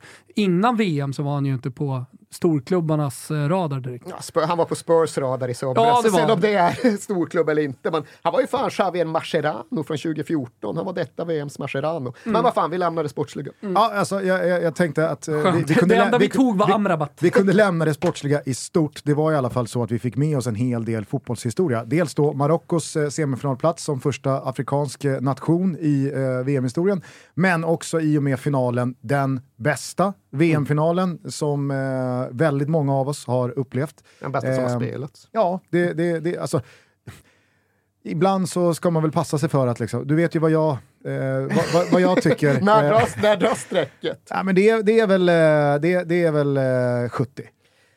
vad fan, det var sen, det var tidigare förut. Har Jo, men alltså, såhär, jag kan ju inte på riktigt ha en åsikt om VM-finalen 66. Men Vad 70 ska- kan du ha en åsikt om. Soligare. Ja, det var färg-tv ja, 70. exakt. Det var det första jag vet inte, Någon, någonstans där går, går min gräns. Hur det- som helst, det var en otrolig final. Eh, killen Mbappé vann skytteligan och la en otroligt stor och stark grund i varför han kommer bli VM-historiens meste målskytt genom tiderna. Men Lionel Messi och Argentina tog eh, ja, Messis första guld, Argentinas tredje guld. Och någonstans så kändes det som att det var väldigt få dagar och få matcher som blev väldigt mycket VM-historia. Och om vi ska backa Erik Niva-band i Toto Balutto eh, så var det ju tidigt, om det inte var det första så var det det andra avsnittet som du var med i här. Alltså eh, år ett eller år två. Eh, där du sa att Mbappé, det blir liksom nästa generations stora spelare efter Leo Messi och Cristiano Ronaldo. Nu har vi väl alla blivit förvånade av hur länge en fotbollsspelare kan liksom hålla den höga nivån. Eh, det har varit svårt att förutse i och med att man slutade innan 35 tidigare. Så att de har, de har hängt kvar. Nu Ronaldo borta, jag vet inte hur länge Messi blir kvar, men det är väldigt tydligt att, eh, tycker jag, Mbappé tar eh, guldbollen här framöver. Det är väl Haaland emot då kanske. Ja, nej, men det känns ju onekligen som att Mbappé ligger före. Sen Mm. var det ju också en del av VM att, att det är ett ganska tydligt så här, changing of the guards. Det är vaktombyte nu och det är klart att Mbappé och för den delen Haaland som inte ens är där som går i täten. Men det kändes ju som att det fanns i alla fall nej, men ett tiotal 20-åringar som på uppenbart sätt blir för liksom den generation som nu checkar ut, ja det är Messi, det är Ronaldo, men bakom dem är det ju så här Benzema, Modric, Lewandowski. Bale. Alltså, ja, för den delen. På många sätt går det ju att liksom säga, fan det här kanske är den främsta fotbollsgenerationen som funnits. Spelarna födda mellan, vad blir det, 84, 89 eller någonting. Men den nya generationen, alltså Gavi, Pedri, Musiala som jag tyckte var fantastisk trots Tyskland, Jude Bellingham. Ja, vad fan hade vi mer? Vi hade så liksom ett tiotal killar runt 20 där det verkligen känns okej, det här är nästa stora generation. Mbappé går längst fram, absolut. hans karriär, hans eftermäle, hans åstadkommanden kommer ju underlätta så jävla mycket av att han är fransman istället för norrman. Liksom gyllene generation eller inte. Norge kommer inte vinna massa mästerskap. Det kommer Frankrike. Ja, Chouameni, Kamavinga, apropå den här nyuppståndna storgenerationen. Mbappé kan ju vinna tre VM och tre EM. Eh, sen ska det väl sägas att kollar vi vad han hittills har samlat ihop jämfört med vad till exempel Messi hade när han var 24. Ja, vad fan hade Messi? Tre guldbollar, ett par Champions League. Inget VM förvisso, men Messi låg ju längre fram vad gällde att liksom samla priser på hög. Så jag tror kanske vi ska vara lite försiktiga med att tro att Mbappé kommer bli någonting i närheten av vad Messi har varit. Så, Han passerar ju Klose dock Ja, i ja. eh, VM-historiens skytteliga. så det var väl spaningen och visst, så blir det just i kraft av Frankrike. Spelar man forward för Frankrike den närmsta tioårsperioden, alltså till och med Givarch hade gjort mål. Höll på att säga till och, till och med Giroud, men det kan man inte säga längre för det, man glömmer alltid bort om Giroud är underskattad eller överskattad för stunden. Det liksom pendlar lite grann. Men nu gör han i alla fall mål för Frankrike, det gjorde han inte VM 2018. Är det Ja, det är så som, roligt för att det är kon- kontraktsförnyelse i Milan och han ses som en alltså, 100% nyckelspelare. Och det är viktigt att förnya med Giroud här. Ja men nu har han börjat bli överskattad. Jag Exakt. har Nu i kliver det fyra år om att han har varit underskattad. Är det någonting som eh, i, i svallvågen av detta guld diskuterats i leda så är det ju om det här stänger någon form av diskussion som Messi är bäst genom tiderna eller inte. Vissa menar ju på att han hade kunnat åkt ut i kvartsfinalen, han hade fortfarande varit bäst genom tiderna. Andra menar på att eh, ja, men han behövde det här guldet. Vi kan lämna det därhän. Vad gjorde det med dig att Lionel Messi vann VM-guld och eh, att Argentina gjorde det igen? Alltså jag brydde mig förvånansvärt mycket. Jag trodde inte riktigt det om mig själv, för jag är någonstans mot den individualiserade fotbollen. Men jag blev någonstans också engagerad i att det skulle lyckas för Messi. Det skulle just kännas som att fan, ja men Sagan om ringen ändå slutade lyckligt på något märkligt sätt. Så det, ja, jag blir glad för det och jag kommer ta med mig det och jag kommer framförallt ändå ha med mig att hela den argentinska grejen från början till slut kändes så jävla maffig och mäktig. Och det kan man tycka, trots Qatar, det måste vara okej. För jag vet inte vilka av Argentinas matcher du var på, men redan från och med, i och med den historiska Saudi-matchen, så tyckte jag det var tydligt, ja, men det här mästerskapet kretsar kring Argentina. Det är alltid något med Brasilien, de är ju landslagsfotbollens Real Madrid, det är ändå liksom den största showen. Men nej, det är Argentina som allt gäller Argentina här. Det här VMet kommer definieras av Argentina. Nu kan det bli så att de åker ur i andra matchen. Ah, nu ska de spela sju finaler i rad, de vinner varenda en. Det blir liksom större och större för varje match. De får dit sina barras, liksom stämningen blir bättre och bättre. Nationen blir mer och mer uppslukad. Planeten blir mer och mer uppslukad. Det var inte bara finalen, det var liksom hela vägen, hela resan som verkligen får mig att känna att ja, det var mitt femte VM på plats. Det var väl ditt första. Jajamän, Ja, du fan börjar... i tjänst. Ja, nej, men börjar med, börja med kröningen på något sätt. För inget av de VM, ingen av de världsmästare som jag har följt med hittills har känts lika starkt i mig. Det här var liksom, det var större än allt annat. Dels beroende på Messi, dels beroende på vad Argentina är för land och allting. Men trots Qatar, vi måste liksom ändå få tugga, ja, det är liksom det mest episka världsmästerskapsslutet, den mest episka världsmästerskapsresan som vi har haft under ja, min livstid, eller definitivt sedan 86 och Maradona och Argentina den gången. Den där VM-finalen är helt, helt jävla makalös. Alltså, det finns någonting, och det kan få mig provocera så jag kommer prata alldeles för länge för Thomas Wilbachs Rönninge-schema. Ja, men nu är det lugnt. Pappa hämtar... Fan, min pappa, så, han, han, han har alltså inte missat en match sen Stella började spela fotboll. Det är stort. Jävla bragdman. Ja, det är jävla bragdman. För också statistik. Som nu, känn på det här, på tal om eh, vart världen är på väg och fotbollen är på väg. Han för då statistik på eh, skott på mål, skott utanför hörner, eh, mål, assist. Eh, han är inte på XG. Gammal statistik, skit i fullständigt i XG. Men eh, eh, nu är ju liksom eh, eh, fotbollsstatistiken sköts ju av, eh, på den stora fotbollsscenen automatiskt av västar man har på sig och så vidare. Eh, nu håller ju likt hamnarbetarna inte arbete i Livorno längre för att allting är automatiserat nere i Livornos hamn. Samma håller ju på att hända med pappa för att vår nya VO2-kamera sköter all den statistiken med skott på mål och så vidare. Så att just nu så är det en kamp då papp, mellan pappa och den nya VO2-kameran där han då går emot och säger att den har fel. Alltså statistiken, den automatgenererade statistiken från kameran, den är fel. Så att vi ska fortfarande gå på hans statistik. Vilket vi gör i något Excel-ark som han har. Så att, uh, han, han, lever fortfarande som statistikmakare i, uh, i Stallas lag. Du vet vad de säger om den mänskliga tillvaron. Det finns inget mer påfrestande än att tvingas gå igenom en strukturomvandling som liksom åläggs dig ovanifrån. Det är liksom det värsta det mest prövande du kan utsättas för, för din identitet förloras, din kompetens är inte längre värd någonting.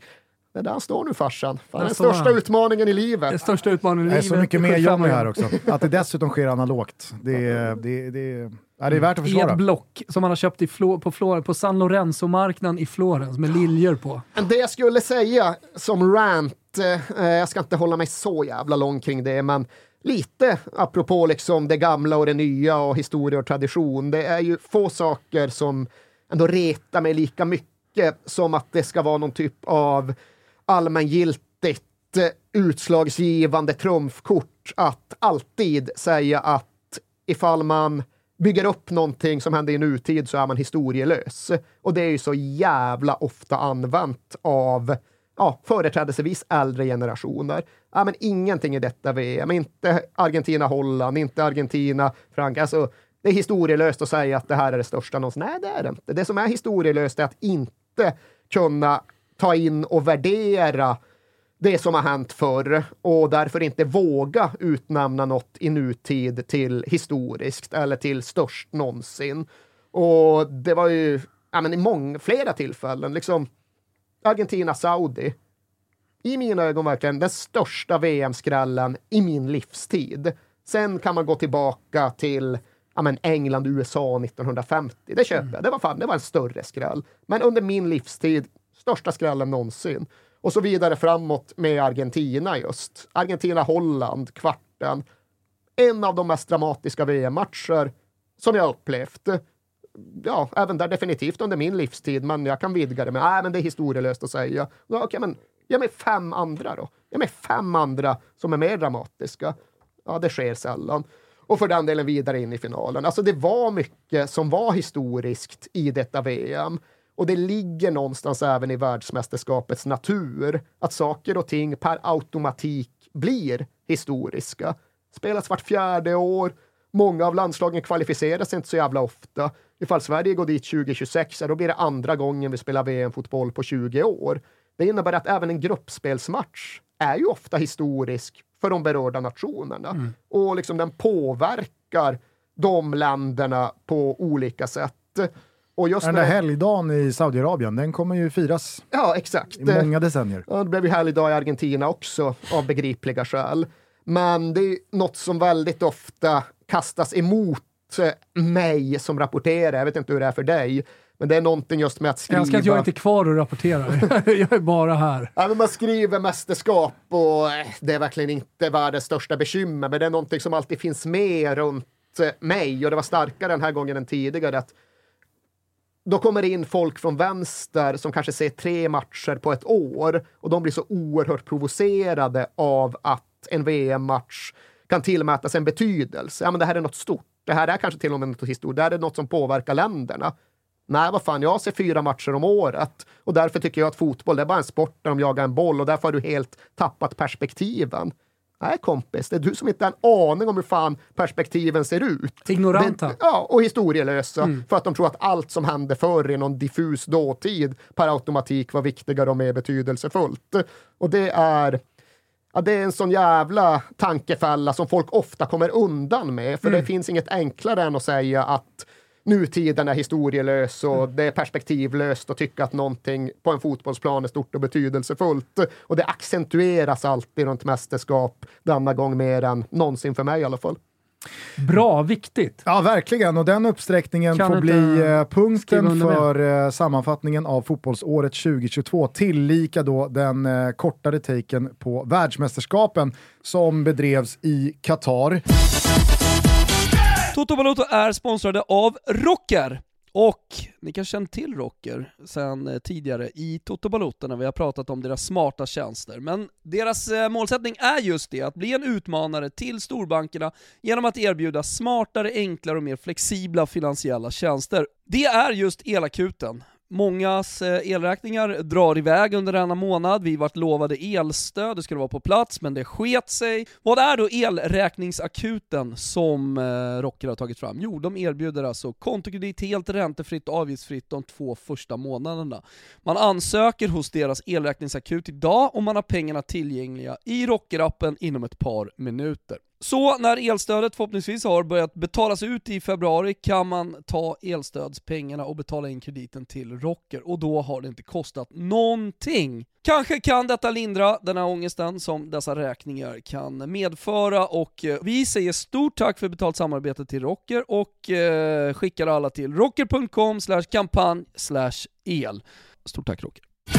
Toto Balotto är sponsrade av Circle K och nu hörni är det lite tävlingstider. Jajamensan, tillsammans med Circle K så eh, kör vi lite contest eh, här i december. Och för att vara med och tävla, ska jag bara säga tidigt här nu, så måste man vara medlem i Circle K Extra. Men det vill ju alla vara, för det är ju förmånligt. Till exempel då, så kan man ju tanka och betala med kort kortet som är kopplat till Circle K Extra. Man kopplar alltså sitt kort under perioden 29 december till den 4 april 2023. Och gör man det, då är man alltså med. Det räcker. Vinsten är ett presentkort på Circle K värt 500 kronor och kan inte bytas in mot kontanter. Eh, Circle K Extra är alltså Circle Ks medlemsprogram och som medlem blir livet längs vägen, och det kan jag verkligen skriva under på själv, extra bra. Några av fördelarna för att vara konkret. Du får 25 öre rabatt per liter i tre månader när du ansluter till Circle K Extra med valfritt bank och betalkort första gången. Därefter får man 15 öre rabatt per liter. Bara där är bra. Var sjätte kopp kaffe och var sjätte tvätt på köpet. Jajamensan, det får man på köpet. Och en varmkorv kostar alltid 15 kronor. Som sjätte tvätt, och som du har nått dit då, då erbjuder Circle K dig deras premiumtvätt dessutom. Och man behöver inte hålla räkningen själv för Circle K de mässar när det är dags. Så vad är det man behöver göra för att vara med och tävla? Jo, du behöver bara göra Circle K till din bensinstation och ansluta ett kort och gå med i Circle K Extra. Vinsten är ett presentkort på Circle K värde 500 kronor. Och detta sker alltså varje vecka under den här perioden. Är inte det otroligt? Så att eh, det är bara att gå med i Circle K Extra. Vi säger stort tack för att ni är med och möjliggör Toto Balotto. Eh, nu återstår bara för oss innan Erik eh, ger oss eh, årets låt eh, att eh, dels eh, kort summera det vi i alla fall liksom, kände på via spåkulan för ett år sedan. Ganska svag, måste jag säga. Du var rätt stark året Ja, verkligen, verkligen. Men det var allt från liksom, Tyskland, VM-guld. den, den har du ju nästan tagit med dig i graven. Ja, så är det. Du står dock. Sergio Ramos sänker Real Madrid på Bernabéu. Danmark bojkottar VM. Var väl där och fingrade lite, oh ja. oh fingrade ja. lite på någon uppvärmningströja eh, och, och, och, och någon bindel. Men som vi slog fast där för ett år sedan, finns det någonting att förlora så kommer alla backa. Rent sportsligt alltså. Eh, Ett men vi har redan... Man trodde det skulle krävas lite Till och med men... det. Liksom. ja, vi har varit inne på Alexander Isak och Dejan Kulusevski till Premier League. Den kan vi bocka av. Eh, vi trodde, eller jag eh, trodde ju då att eh, Erdal Rakip skulle vinna ännu ett SM-guld med Malmö men ändå inte liksom, benämnas som en av de stora. Vad fan händer med Erdal? Han har lämnat Malmö honom nu. väl? Släppte honom nu. Eller plötsligt dyker han upp i en Benfica eller Crystal Palace-tröja. Exakt. Hoppas jag. Eh, Pep Guardiola och Manchester City vinner kvadruppen och försvinner sen spårlöst. Eh, du trodde på någon sån här silent retreat. Thomas rättade dig och sa att det blir givetvis ett yogaknulläger. Det är väl Thomas Tuchel, Tuchel som, har tagit, som har tagit den vägen.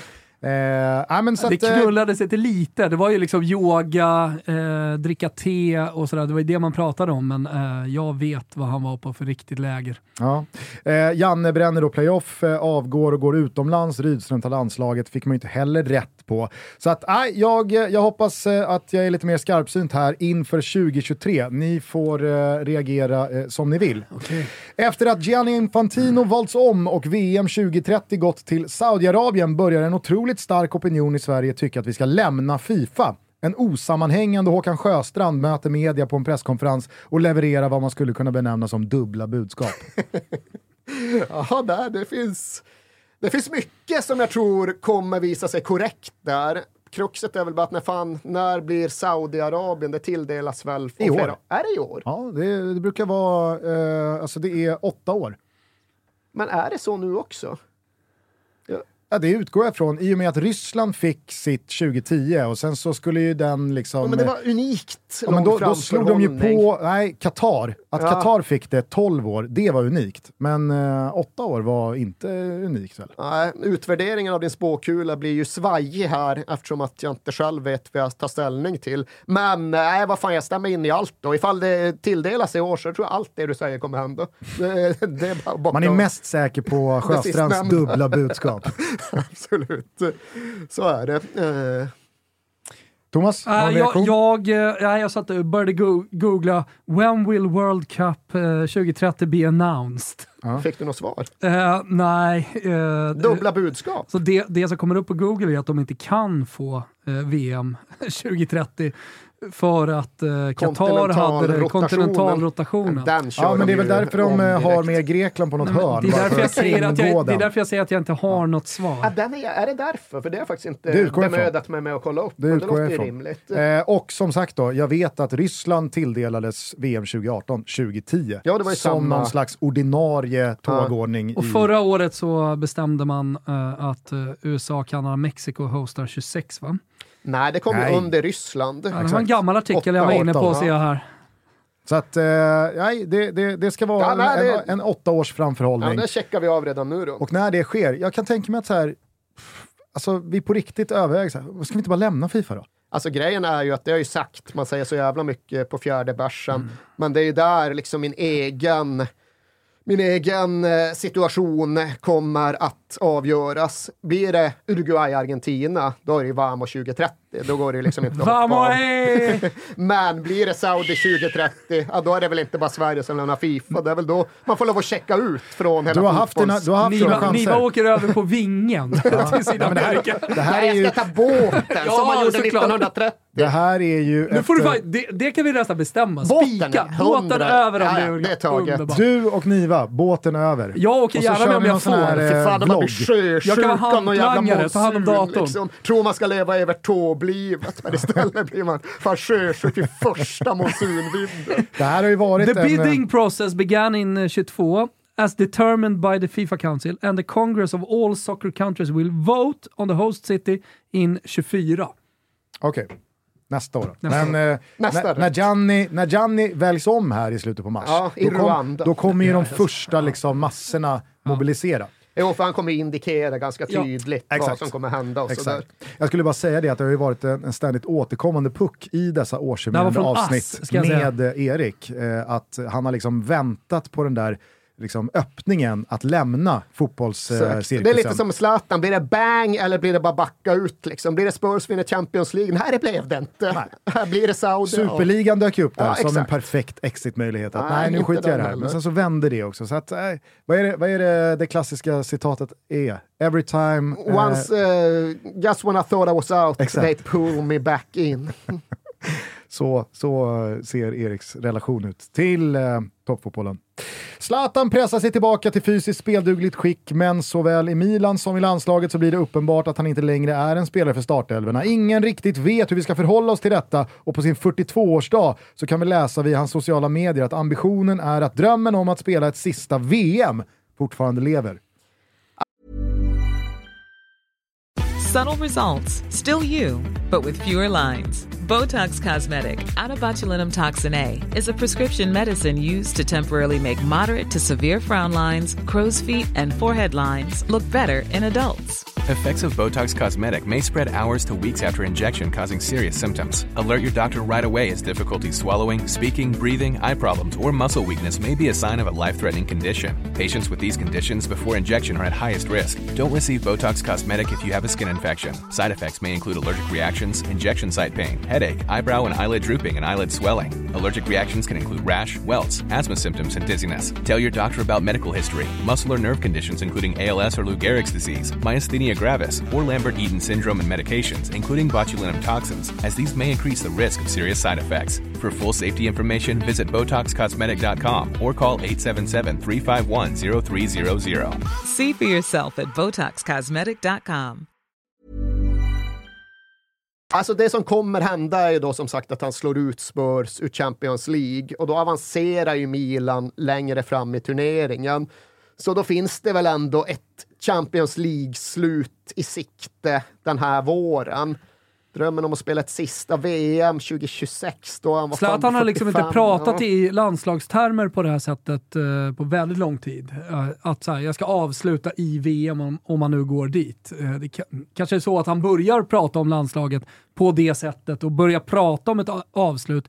Men känslan är mer att det blir bang, som Erik Niva var inne på tidigare. Att det helt, helt plötsligt bara slår ner som en bomb. Jag slutar. Han kommer in, gör 20 minuter mot Spurs, gör två mål, avgör, ställer ner dojorna på Per Carlén-sätt i mittcirkeln på vår arena. Ja. Tackar för sig. Exakt. Mycket mer tror jag på ett sånt slut. Frank Lampard sparkas av Everton och en dryg månad senare startar han och Steven Gerrard en podcast ihop. Den varar i fyra avsnitt. Det är lite som, eh, vad heter han, Bobby Friberg da Cruz och Mattias Mattias, Ranegi. Ranegi som startade en podcast. Som, eller, jag vet inte om de startade podcasten, men de satt i alla fall på ett rum hos Dobb och la ut en bild att här startas liksom den stora, nästa stora podcasten och alla tänkte fan Bobby Friberg da Cruz, Mattias Ranegi, vilken jävla podd. Medan du och jag sa den där kommer aldrig sjösättas. Max ett avsnitt. Han måste ju kartlägga om den finns, för i så fall måste det måste ju finnas en pilot. Ja, men det blev, jag, tror att det, blev- jag tror att det blev två avsnitt. Ja, de ska jag lyssna på. Ja, jag med. Men det här är liksom, vad är Mo, håller Norling fortfarande på med den här? Pense. Ja, den här outtömliga... Norling och Pense Är spekulerar. den still going? Still going. Jag tror det. Och de kör så här Eh, fyra timmar i veckan. ja. Det Taktiska är liksom- detaljer från Mittjyllands senaste. Exakt, det, det, det är liksom Borrell-inspirerat på ett sätt. Thomas Eh, blev ju helt uppslukad där ett tag. Ja. ja, men det var ju ganska många som liksom sögs in i början Mm. och försökte hänga med på Norling-vågen, men den har It will outlast you all. Så är det. Och där känns det som att Gerard och Lampard absolut ligger närmare Friberg, Da Cruz och Ranegi. Men ja, för fan, allt det där kommer också hända. Så Ja. nu kommer ju tydligen Lampard få en match till, men den kan redan vara spelad och avklarad när det här går ut. För det här skulle gå ut i början av en vecka. De möts på en fredagkväll. Det kan ju vara Franks last stand. Och sen är det väl podcastsvängen innan Stoke City blir nästa adress. Ja, det blir spännande att eh, följa.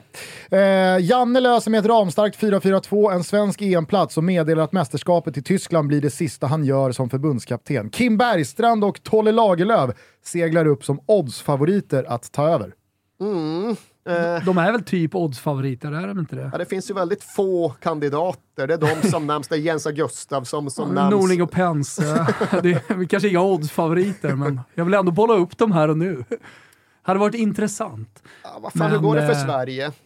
Det är väl Österrikes slagstyrka? Alltså det som kommer hända in. med Sverige är att vi, vi går tillbaka till 4-4-2. Vi har fortfarande kvar en del nyckelspelare som eh, klarar av att hantera eh, 4-4-2. Eh, däremot så eh, liksom växer de inte på träd och den nya generationen som kommer är fostrad i en helt annan form av fotboll. Eh, och de vill heller inte spela 4-4-2. Jag tror att det är det som är den liksom största, eller det kanske blir dödsstöten då för 4-4-2, att de inte vägrar spela men de, det, det funkar inte, det blir dåliga resultat. Men med Eh, risk för så- att bli... så här, eh, 4-4-2 eh, kommer, kommer liksom tillbaka till svenska landslaget, vi kommer göra mycket bättre resultat, vi kommer gå, komma tillbaka till B-divisionen.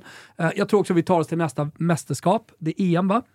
Eh, och eh, där sen, eh, men spår- som efter det, den, det, det mästerskapet så, så är det över. Spåkulan stämmer ju. Vi går till EM, det tror jag fan det får vi lov att lösa. Så Mm. Ja, bara ja. fan inte Österrike. Tack vare att vi går tillbaka till 4-4-2. Jan jag är inte så Andersson- jävla rädd för Belgien heller. Nej, men säga. alltså nu är det för det är lite som Giro, överskattad och underskattad. Belgien var överskattade tills folk såg dem i VM. Nu blir de underskattade Tack. för att folk tror att de är helt odugliga.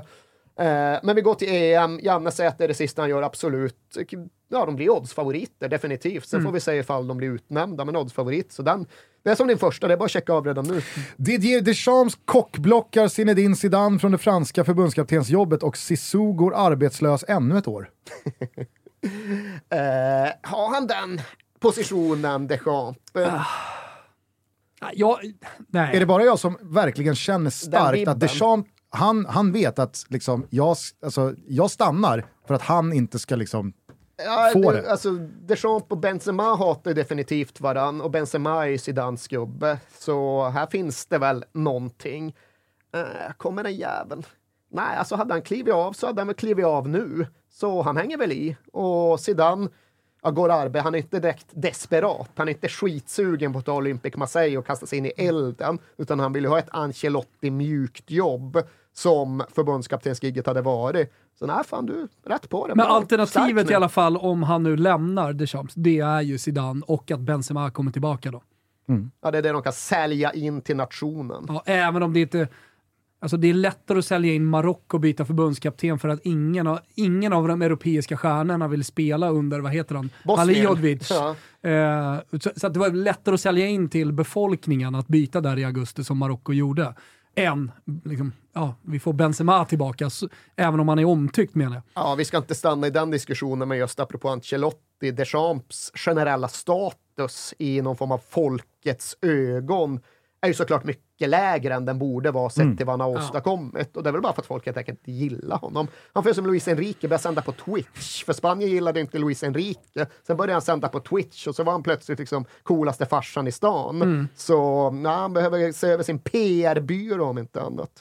Napoli vinner givetvis inte Serie A och i norra London så är det också ordentligt uppgivet när Manchester City till slut snuvar Arsenal på ligatiteln. Ja, hoppas jag verkligen du har rätt i. Det är ju liksom... Det det Du hatar Napoli? jag, får, jag får offra Napoli på det här liksom altaret.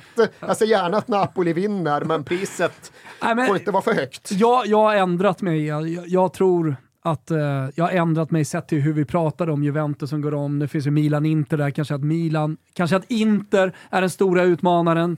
Eh, jag tror att de har en bra vår i sig, men eh, jag tror ändå att Napoli grejer i slutändan. Det finns så mycket sta- stabilitet i det där laget. Nu får man tillbaka, det, det, det ska man komma ihåg med Napolis säsong, att de, har- de har trots allt varit ganska skadedrabbade. Kolla bara på Osimhen som knappt har lirat under hösten. Nu kanske jag skarvar lite, Ja. men, men eh, alltså, nu är han ju mega tillbaka och eh, jag tror att han, de behöver en anfallare av hans dignitet för att palla stå emot när de randiga jävla vargarna kommer bakifrån och ska glufsa i sig den här scudetton. Så att nej, jag tror att eh, Napoli ändå får fira. Det var väl ingen supersignal man skickade mot Inter igår kväll?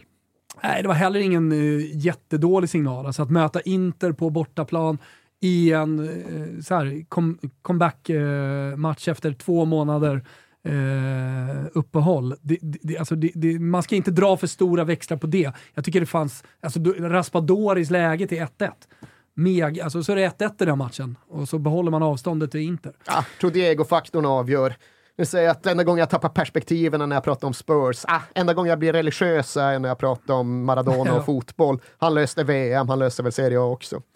Hur eh, enorm hade en eventuell ligatitel för Arsenal varit? Eh, för mig personligen eller för klubben och fotbollen eller? Är inte det samma sak?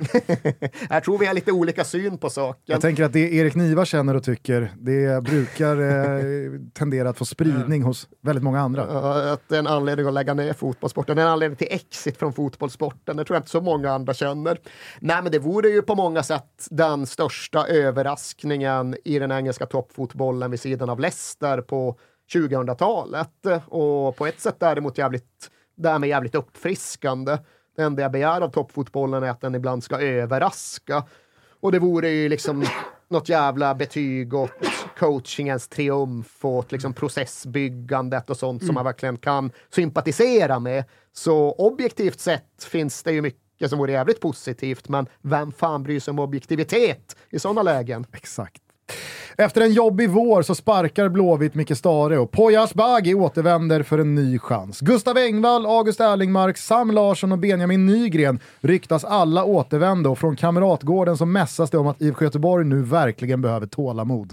Och så kommer en norrmän med skinkmackor och. Wilbacher känner sig riktigt hemma igen. Ja, men det kanske är den vägen de går. Norrmän med skinkmackor. eh, Men, men att Stare i, i något läge eh, lämnar IFK Göteborg, han har ändå varit där ganska länge nu. Det måste man ju ändå se som troligt. Och eh, att det ska bli någon succé här nu, eh, för det pratas ju om tålamod, det pratas hela tiden om tålamod på Kamratgården. Ah, det, det tålamodet tar ju slut i vår. Och, och, eh, speciellt för Micke Stare. Då Jo, men- behöver man någonting nytt. Så jag vet inte, jag, jag har ingen aning vad Poyas Bagge ens gör. Han är ju Astemilos i Zvezda. Okej. Exakt. Det är lite Ja. oklart. ja, men det kan man ju lämna för IFK Göteborg såklart. Jo men och spådomen är ju, du Det säger att de behöver något nytt. Det är, exakt, det är Ja, att det är jo, samma absolut. jävla varv jag och hamsterhjul Absolut. en gång till. ja, men så är det väl? Ja, det, är jag sam, det, på det. det, det, är liksom, det är nya namn men det är samma Ja. typ av åter, Fikaligan har blivit återvändare. eh, Exakt. några andra. Ja, Nu absolut. plockar vi hem några liksom, gamla goa gubbar. Men, men, men eh, Sam Larsson har ju Daniel Larsson som eh, agent och jag vet ju vad Daniel Larsson har gjort med sin karriär. fotbollsekonomin där ute. Det vi måste liksom förstå Alltså här, här, nu, det är att spå- IFK Göteborg spå- behöver tålamod. Och så, så, så, så ska supporterna tvingas hackas i sig att så här, jaha, så en åttonde plats nästa år, det ska vara okej då eller? Nu har jag verkligen inte pratat med Danne om Sams framtid, men jag skulle inte bli förvånad om Sam spelar i Turkiet snart. Han spelar väl i Han Turkiet spelar ju i nu? Antalyaspor. Han spelar i. Turkiet, så att, eh, bra spaning. Ja, går vi vidare. Där stänger vi för 2022. liksom. Thomas spåkula är att Ja, liksom det- det- titta på vad som faktiskt skett ett halvår tidigare och säga det här är... Ja, ja, men Det är träffsäkert. Ja, exakt. Det är otroligt Han spelar för träffsäkert. den turkiska ligan redan i nästa omgång. Så snabbt kan Vem det har gå. han som coach då? Nouri Sahin, som eh, bara igår kväll tror jag eh, fick försvara med hela sin kropp och sin fightingförmåga domartrion från sina egna spelare. Är han landslagsaktuell? Har han gjort bra prestationer, Sam? Sam? Ja. Ah, jag skulle nog säga att... eh, Det är över där. Det- det Han har blivit det är nog- sin bror. Det är nog inte över, men att inte spela en fotbollsmatch på två år i och med att han satt i liksom co- covid-kinesisk liksom, Det klarade, ju, det, det klarade ju andra spelare av. Danielsson. Ja, jo, visst, absolut. Men jag bara eh, sa det. eh, det, det, det var väl en viss skillnad på konkurrenssituationer kanske i just då landslaget. Eh, jag vet inte. Eh, Eller? vi, vi, vi, jag hoppas i alla fall att eh, Sam eh, kommer Hur tillbaka. gammal är Sam? 30? 93. Ja, då är man 30 år. Eh, ja, det, det är i alla fall eh, min eh, tanke kring eh, Blåvitt, att det blir liksom samma sjukt. 93 börjar hamsterhjul eh, igen. Newcastle vinner under hösten sin. Champions League-grupp och den nya fixstjärnan Joao Felix får de svartvita att drömma om titeln. Alltså det är lite, eller det är mycket som är intressant med Newcastle, men de verkar ju på allvar ändå bry sig om financial fair play, vilket Ja. är liksom en helt ny sak att göra för en shejkklubb. Och det innebär väl att de måste väl värva en kreativ revisor innan de värvar Joao Felix kanske. Paratici. Ja, vad fan, de är väl mest någon som trixar med siffrorna. Och det kan Men han ska, han ska vara proffs på det. Det är det han gör. Men eh, liksom den typen av spelare, de måste ju, de gör nog inte så jävla mycket i januari. De kanske i och för sig just tar den typen av så kort lånsgrej bara för att lyfta the Jordis ytterligare. Eh, Men nu pratar jag om att Newcastle, spå, spådomen är att de, De löser en topp fyra och i sommar så tar han Joao. Felix ja. och så liksom leder han trupperna när de vinner sin Champions Jag League-grupp. tror fortfarande inte de löser topp fyra den här säsongen. Jag tror de kommer sexa-ish, men du är inte far off. Nej. Thomas? Ja, vi är också inne på det. Jag tror ändå United, vi får se med Liverpool. Alltså just nu så känns de så jävla dåliga. Sen vet man ju att de har en helt annan höjd i sitt spel. Kanske blomstrar vårformen där framåt mars och så kan man, man, man kan göra väldigt mycket har man ju lärt sig på två månader i fotbollen, även om det känns kört. Alltså gå rent i sju, åtta omgångar så, och vinn någon stor match. Så, så räcker det ofta. Eh, så att jag vill inte räkna bort Liverpool såklart heller, även om det ser sjukt dåligt ut. Så sen så är Spurs där. Ma, eh, Conte gjorde ett mirakel förra säsongen och jag är fortfarande inne på det spåret att jag tror att eh, Spurs kommer att likna förra årets vår-Spurs snarare än att det går neråt här nu. Ja, För det känns ändå som att Conte har, har valt att eh, eh, gifta sig med eh, tanken att bygga. I alla fall i ett halvår framåt. det, ja, det, det är byggande på Conte-sätt. Det Ja, är men fan ett halvår framåt. Ja, men så här, han skulle ju också kunna lämna nu. Det kan fortfarande ske. Alltså, han, Exakt. Han, han kan vara borta innan januari är över. Men jag tror han vill ha Juventus igen. Ja, ja. Och då, just nu så är Max Allegri ju den enda som är kvar i Juventus. Alla andra har ju lämnat, så att han måste vara kvar hela, hela våren. Henrik Rydström gör allt rätt och lyfter som Malmö FF-tränare Lennart Johanssons pokal. På guldfesten svarar han vagt på frågan om huruvida han är den som tränar Malmö 2024. ja, jag tror ju att det är egentligen unikt att i januari, det hinner hända saker fram till april, men i januari så håller jag ju faktiskt inte Malmö som guldfavorit, utan just nu känns ju Djurgården före och just nu känns ju då Kim och Tolle som oddsfavoriterna. Så det skulle ju utesluta både guldfesten och de vaga svaren när det kommer antydningar av förbundskaptensjobbet. Så din ena spådom utesluter lite den andra. Jag tror mer på din första än den här. Eh, Lionel Messi prisas återigen som världens bästa och passerar kort därefter Cristiano Ronaldo som Champions Leagues meste målskytt någonsin. Piers Morgan twittrar ut att portugisens målsnitt i Saudiarabien är av högsta snitt. Nej, men eh, jag tänkte bara säga det för att rätta oss själva. Det är alltså 12 mål som Messi måste göra. 11 för att eh, komma upp på samma, men 12 för att gå om. Så att, eh, det, det, ja, det, Nej, det gör han ju faktiskt lite, inte. Nej, men det, det, det är lite för långt upp. Eh, Det är för många... Det, Hey, vadå? nej, men för, för, alltså, så han kanske spelar i två år till, eller men vad han nu gör i PSG. Under 2023 gör han inte det. Nej, under 2023, jag, jag tror inte han Utesluter gör vi det. att han kan göra 5-6 mål i vår? Nej, det gör vi Det inte. är Och så vi många utesluter inte att han är fem mot Apoel heller, men vi tror vi- inte nej, på det. Vi, får, vi får inte glömma bort eh, två saker. De möter Bayern München. Eh, det kan mycket väl vara slut efter det dubbelmötet. Då kanske det blir noll mål. Eh, och sen så är det ju så många i PSG som ska göra mål. Det är Mbappé, det är Neymar, det, det är andra och sen så är det Messi också. Han har ju inte riktigt den rollen att han bara liksom vräker in mål som han gjorde en gång i Barcelo- Är han tredje straffskytt i PSG eller? Det beror ju på Neymars Ja, givmildhet och humör. Ja, och syrra. Om han är Ja, där snart eller är det inte. partydags. Ja, ja det, är fan, det är bara några veckor Det är bara kvar. några veckor kvar. vet. Sen, Nej, men, Dags. eh, jag, eh, jag, jag eh, tror ju att när eh, liksom, Messi har Ronaldo på gaffeln, då brukar han tendera Mm. Jag att vet, det har snäppa upp varit sig. så, men han har också vunnit VM. Kanske att han liksom skiter i det där rekordet när han känner att han inte riktigt kan nå det. Det spelar inte så jävla stor roll. Han har redan vunnit. Jag tror också att han liksom är förlöst. Det är ju en allmänt vedertagen analys att bara att de vann Copa America med Argentina gjorde ju honom så jävla befriad på många olika sätt. Jag tror definitivt att VM-guldet kan ha samma effekt och personligen skiter jag i det där rekordet. Det enda jag bryr mig om är att han ska spela för Newells Old Boys och inte för Inter Miami. Men det känner jag mig jävligt bekymrad kring att eh, få in. Han var svensk på väg till Inter Miami va?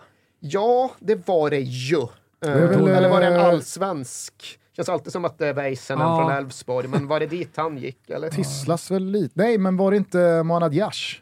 Nej, Nej, han gick till DC United. Coachas av Rooney Ja, i detta just det. nu. Så var det. Eh, nej, men det har väl eh, tisslats lite om att eh, Erik Friberg ska dit eh, och bli någon slags Norden-scout.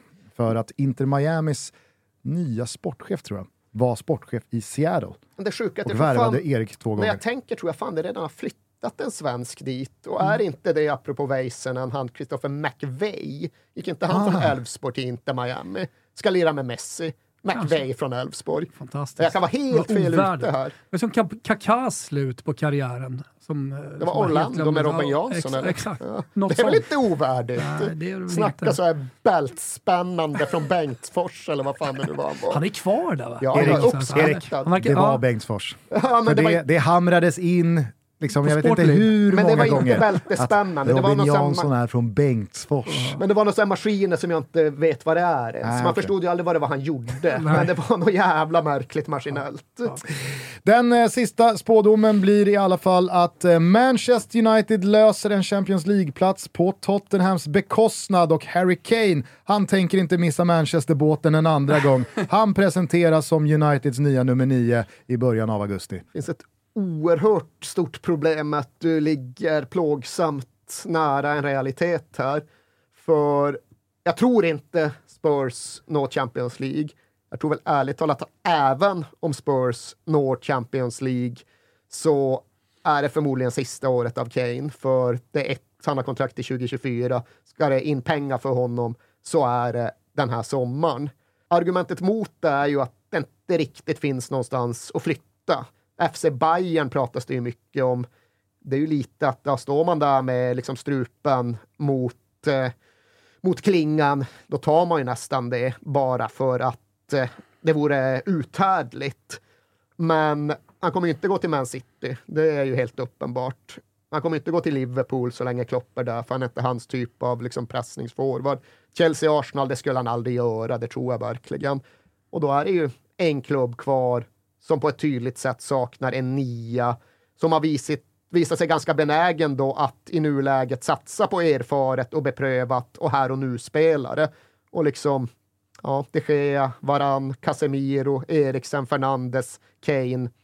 it makes kind of sense. Och det får ju mig verkligen hoppa, vad fan kan de inte bara lägga ut något svindyrt för en nia nu i januari så att den dörren är stängd. Men eh, det verkar ju som att de tänker sig att kanske vänta till sommaren. Och det gör de väl i så fall förmodligen av en anledning. Och skulle Levi få en miljard för en 30-åring med ett år kvar på kontraktet. Ja, det finns plågsamt mycket som ändå hakar i varannat i den där jävla ekvationen. Så, Och då ska man väl heller inte underskatta komponenten att han liksom missade båten förra sommaren. Nej, sen är det väl lite just sådär, säg att Spurs skulle få saker och ting i ordning, säg att vi faktiskt skulle spela bra under våren, fortsätta framstå som ambitiösa. Är det så jävla mycket lättare att vinna titlar i Man United än i Spurs på kort sikt då? Kanske inte nödvändigtvis, men ja, jag hör ju vad, jag hör ju vad som sägs. Och det här Du hörde trummorna på stan. jag hörde vispen på virveln. ja. Och jag funderar faktiskt i realtid, vad är viktigare för mig i den jävla spåkulan? Är det viktigare att Arsenal inte vinner eller att Kane inte går till Man United? Sophie's choice. Ja, och det är nog fan fråga så, går Kane till FC Bayern, då är det fan viktigt det här med Arsenal. Det är liksom inte, jag är någonstans resignerat inför att han gör knappast karriären ut i Spurs. Det är fortfarande så att, ja men finns det inga alternativ, då kanske ändå förlänger, kanske. Men erbjuder mig Kane till Bayern mot att Arsenal inte vinner, då får jag nästan tugga den cyaniden alltså. Ja, jag tänker också att fan, eh, datumet där Kane inser att det kanske faktiskt är mer värt att stanna i, i Tottenham karriären ut. Alltså, det kan inte vara jättemånga år bort. Nej, alltså det är, ju, det är ju en kontraktsförhandling bort och det är nu det beslutet ska fattas. Ja. Det kommer ske runt sommaren. Och det det är, vilket jag tyvärr då talar emot oss, det är att vid det laget kommer han redan gått om Jimmy Greaves som Spurs främsta målskytt genom tiderna. Så det rekordet är redan check på. Däremot kommer han inte ha gått om Alan Shearer som Premier Leagues främsta målskytt genom tiderna. Och det vet jag att han sätter väldigt högt värde på. Det skulle tala mot FC Bayern, det skulle tala för att stanna i Premier League. Och ja, det finns en risk att det skulle tala för en vildsint satsande röd klubb från Manchester som har nått Champions League-plats och pumpar in ytterligare 2,5 miljard med en ny ägare från gud vet var. Hade också kunnat vara en spådom. Men vilka jävlar äger Liverpool och Man United nästa gång vi sitter här? Den magknipiga oron får avsluta detta mastodontavsnitt där vi sammanfattat fotbollsåret 2022. Känner man Erik Niva som Tottenham-supporter rätt så blir det väl både Premier League-guld till Arsenal och Kane till United. det blir liksom inte antingen eller. Ja, du har glömt en sak. Zlatans mål. Såklart. i Champions Och då League. har ju redan Zlatan skjutit ut Spurs från eh, Champions Där har du League. trippen. Eh, vi ska alldeles strax eh, låta Niva avsluta avsnittet med årets låt. I fjol så hamnade vi i Dublins utkanter om jag inte minns fel. Men innan vi gör det, Thomas, eh, vill du eh, avsluta episoden med några ord? Eh, Nej, men jag tyckte att det var härligt att jag och Erik kom lite närmare varandra rent politiskt här inledningsvis med att min brorsa var punkare på 80-talet och så. Då kan jag ju bara liksom fylla på den att min morfars morbröder var initiativtagare och liksom ledare i Seskaröupproret 1917. Eh, Otroligt. ja, Ja. exakt. Det var, var Sekel, eh, min, min eh, morfars eh, eh, morbror. Och sen så liksom följde hela den här röda vågen och har följt med den sidan av min familj och lever ju fortfarande på min mammas sida. Men vet ni vad vi kan göra nu? Ifall jag tar ordet och tillåter mig att stänga detta så kan vi sluta cirkeln. För det är nämligen så att årets låt som nu ska spelas ut i etern, den är väldigt lätt att knyta tillbaka till punkten där vi började. Liksom 80-talets politiska landskap och ungdomskulturer, slitningarna däremellan. För nu ska vi spela När idag blir igår av Big Fish från Uppsala. Och den låten handlar väldigt mycket om vilka Sverigedemokraterna en gång var och hur vi som ändå var med där på det sena 80 och tidiga 90-talet uppfattade dem då och i grund och botten alltid kommer ha jävligt svårt att skaka av oss. Härligt! Eh, va, Perfekt va, slut. va, vad sa vi att eh, akten hette? Big Fish från Uppsala. Big Fish från Uppsala och eh, låten När eh, igår blir idag? Nästan. Ja, Du kan men säg vända det på det. När idag blir igår. När idag blir igår. Ja just det, det är ju där genialiteten ligger. Såklart. Eh, Kim Wirsén rullar igång eh, det alstret. Vi lyfter på våra hattar och säger återigen för sjunde gången i ordningen stort jävla tack till dig Erik för att du kom hit och sammanfattade ännu ett fotbollsår. Tack och bock, ett nöje. Ses om ett år. Jaha, så blir det. Knappt, hoppas jag. Ja, För att eh, vi, vi måste tillbaks till nyårsledigheten. absolut. Eh, vi hörs eh, om några dagar igen, ta hand om varandra. Ciao tutti! Ciao, Toto. Man kanske har tänkt någon gång om sin plats under månen. Den är ynklig och dum, korrumperad och snål. Men också hur lätt en dag allting kan tas ifrån en. Förbättringar som tagit hundratals år. Finns de kvar när idag blir igår? När vi drog igång vårt band 87, 88 fanns patruller som heila och skapa besvär. Gamla du friade och de både hota och spotta på var jävel som inte var med på det där. Och de kom till varenda konsert.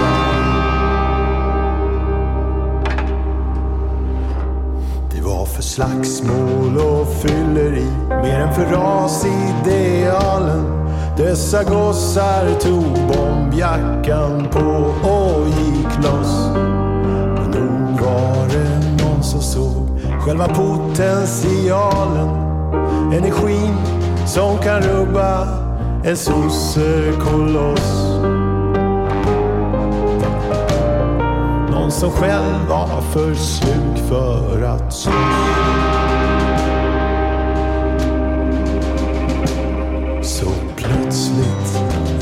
Ett sommarlov 93-94 blandades dansband med rock av vitt maktvänligt snitt och idéer som förut var föraktat obskyra börjar samtidigt närma sig spektrumets mitt. Med parollen att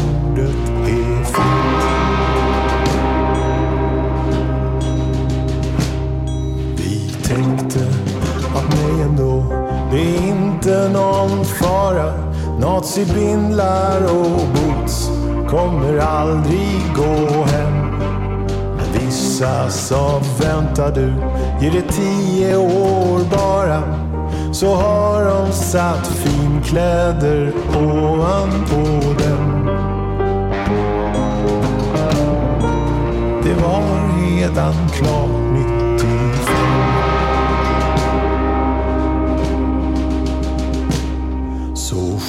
hittas balansen och positioner i livet.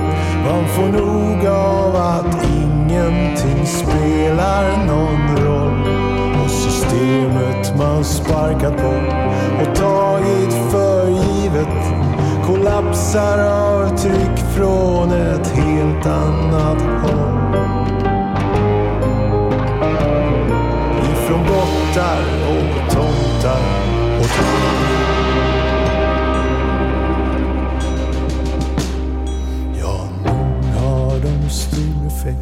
Alla orden vi väljer.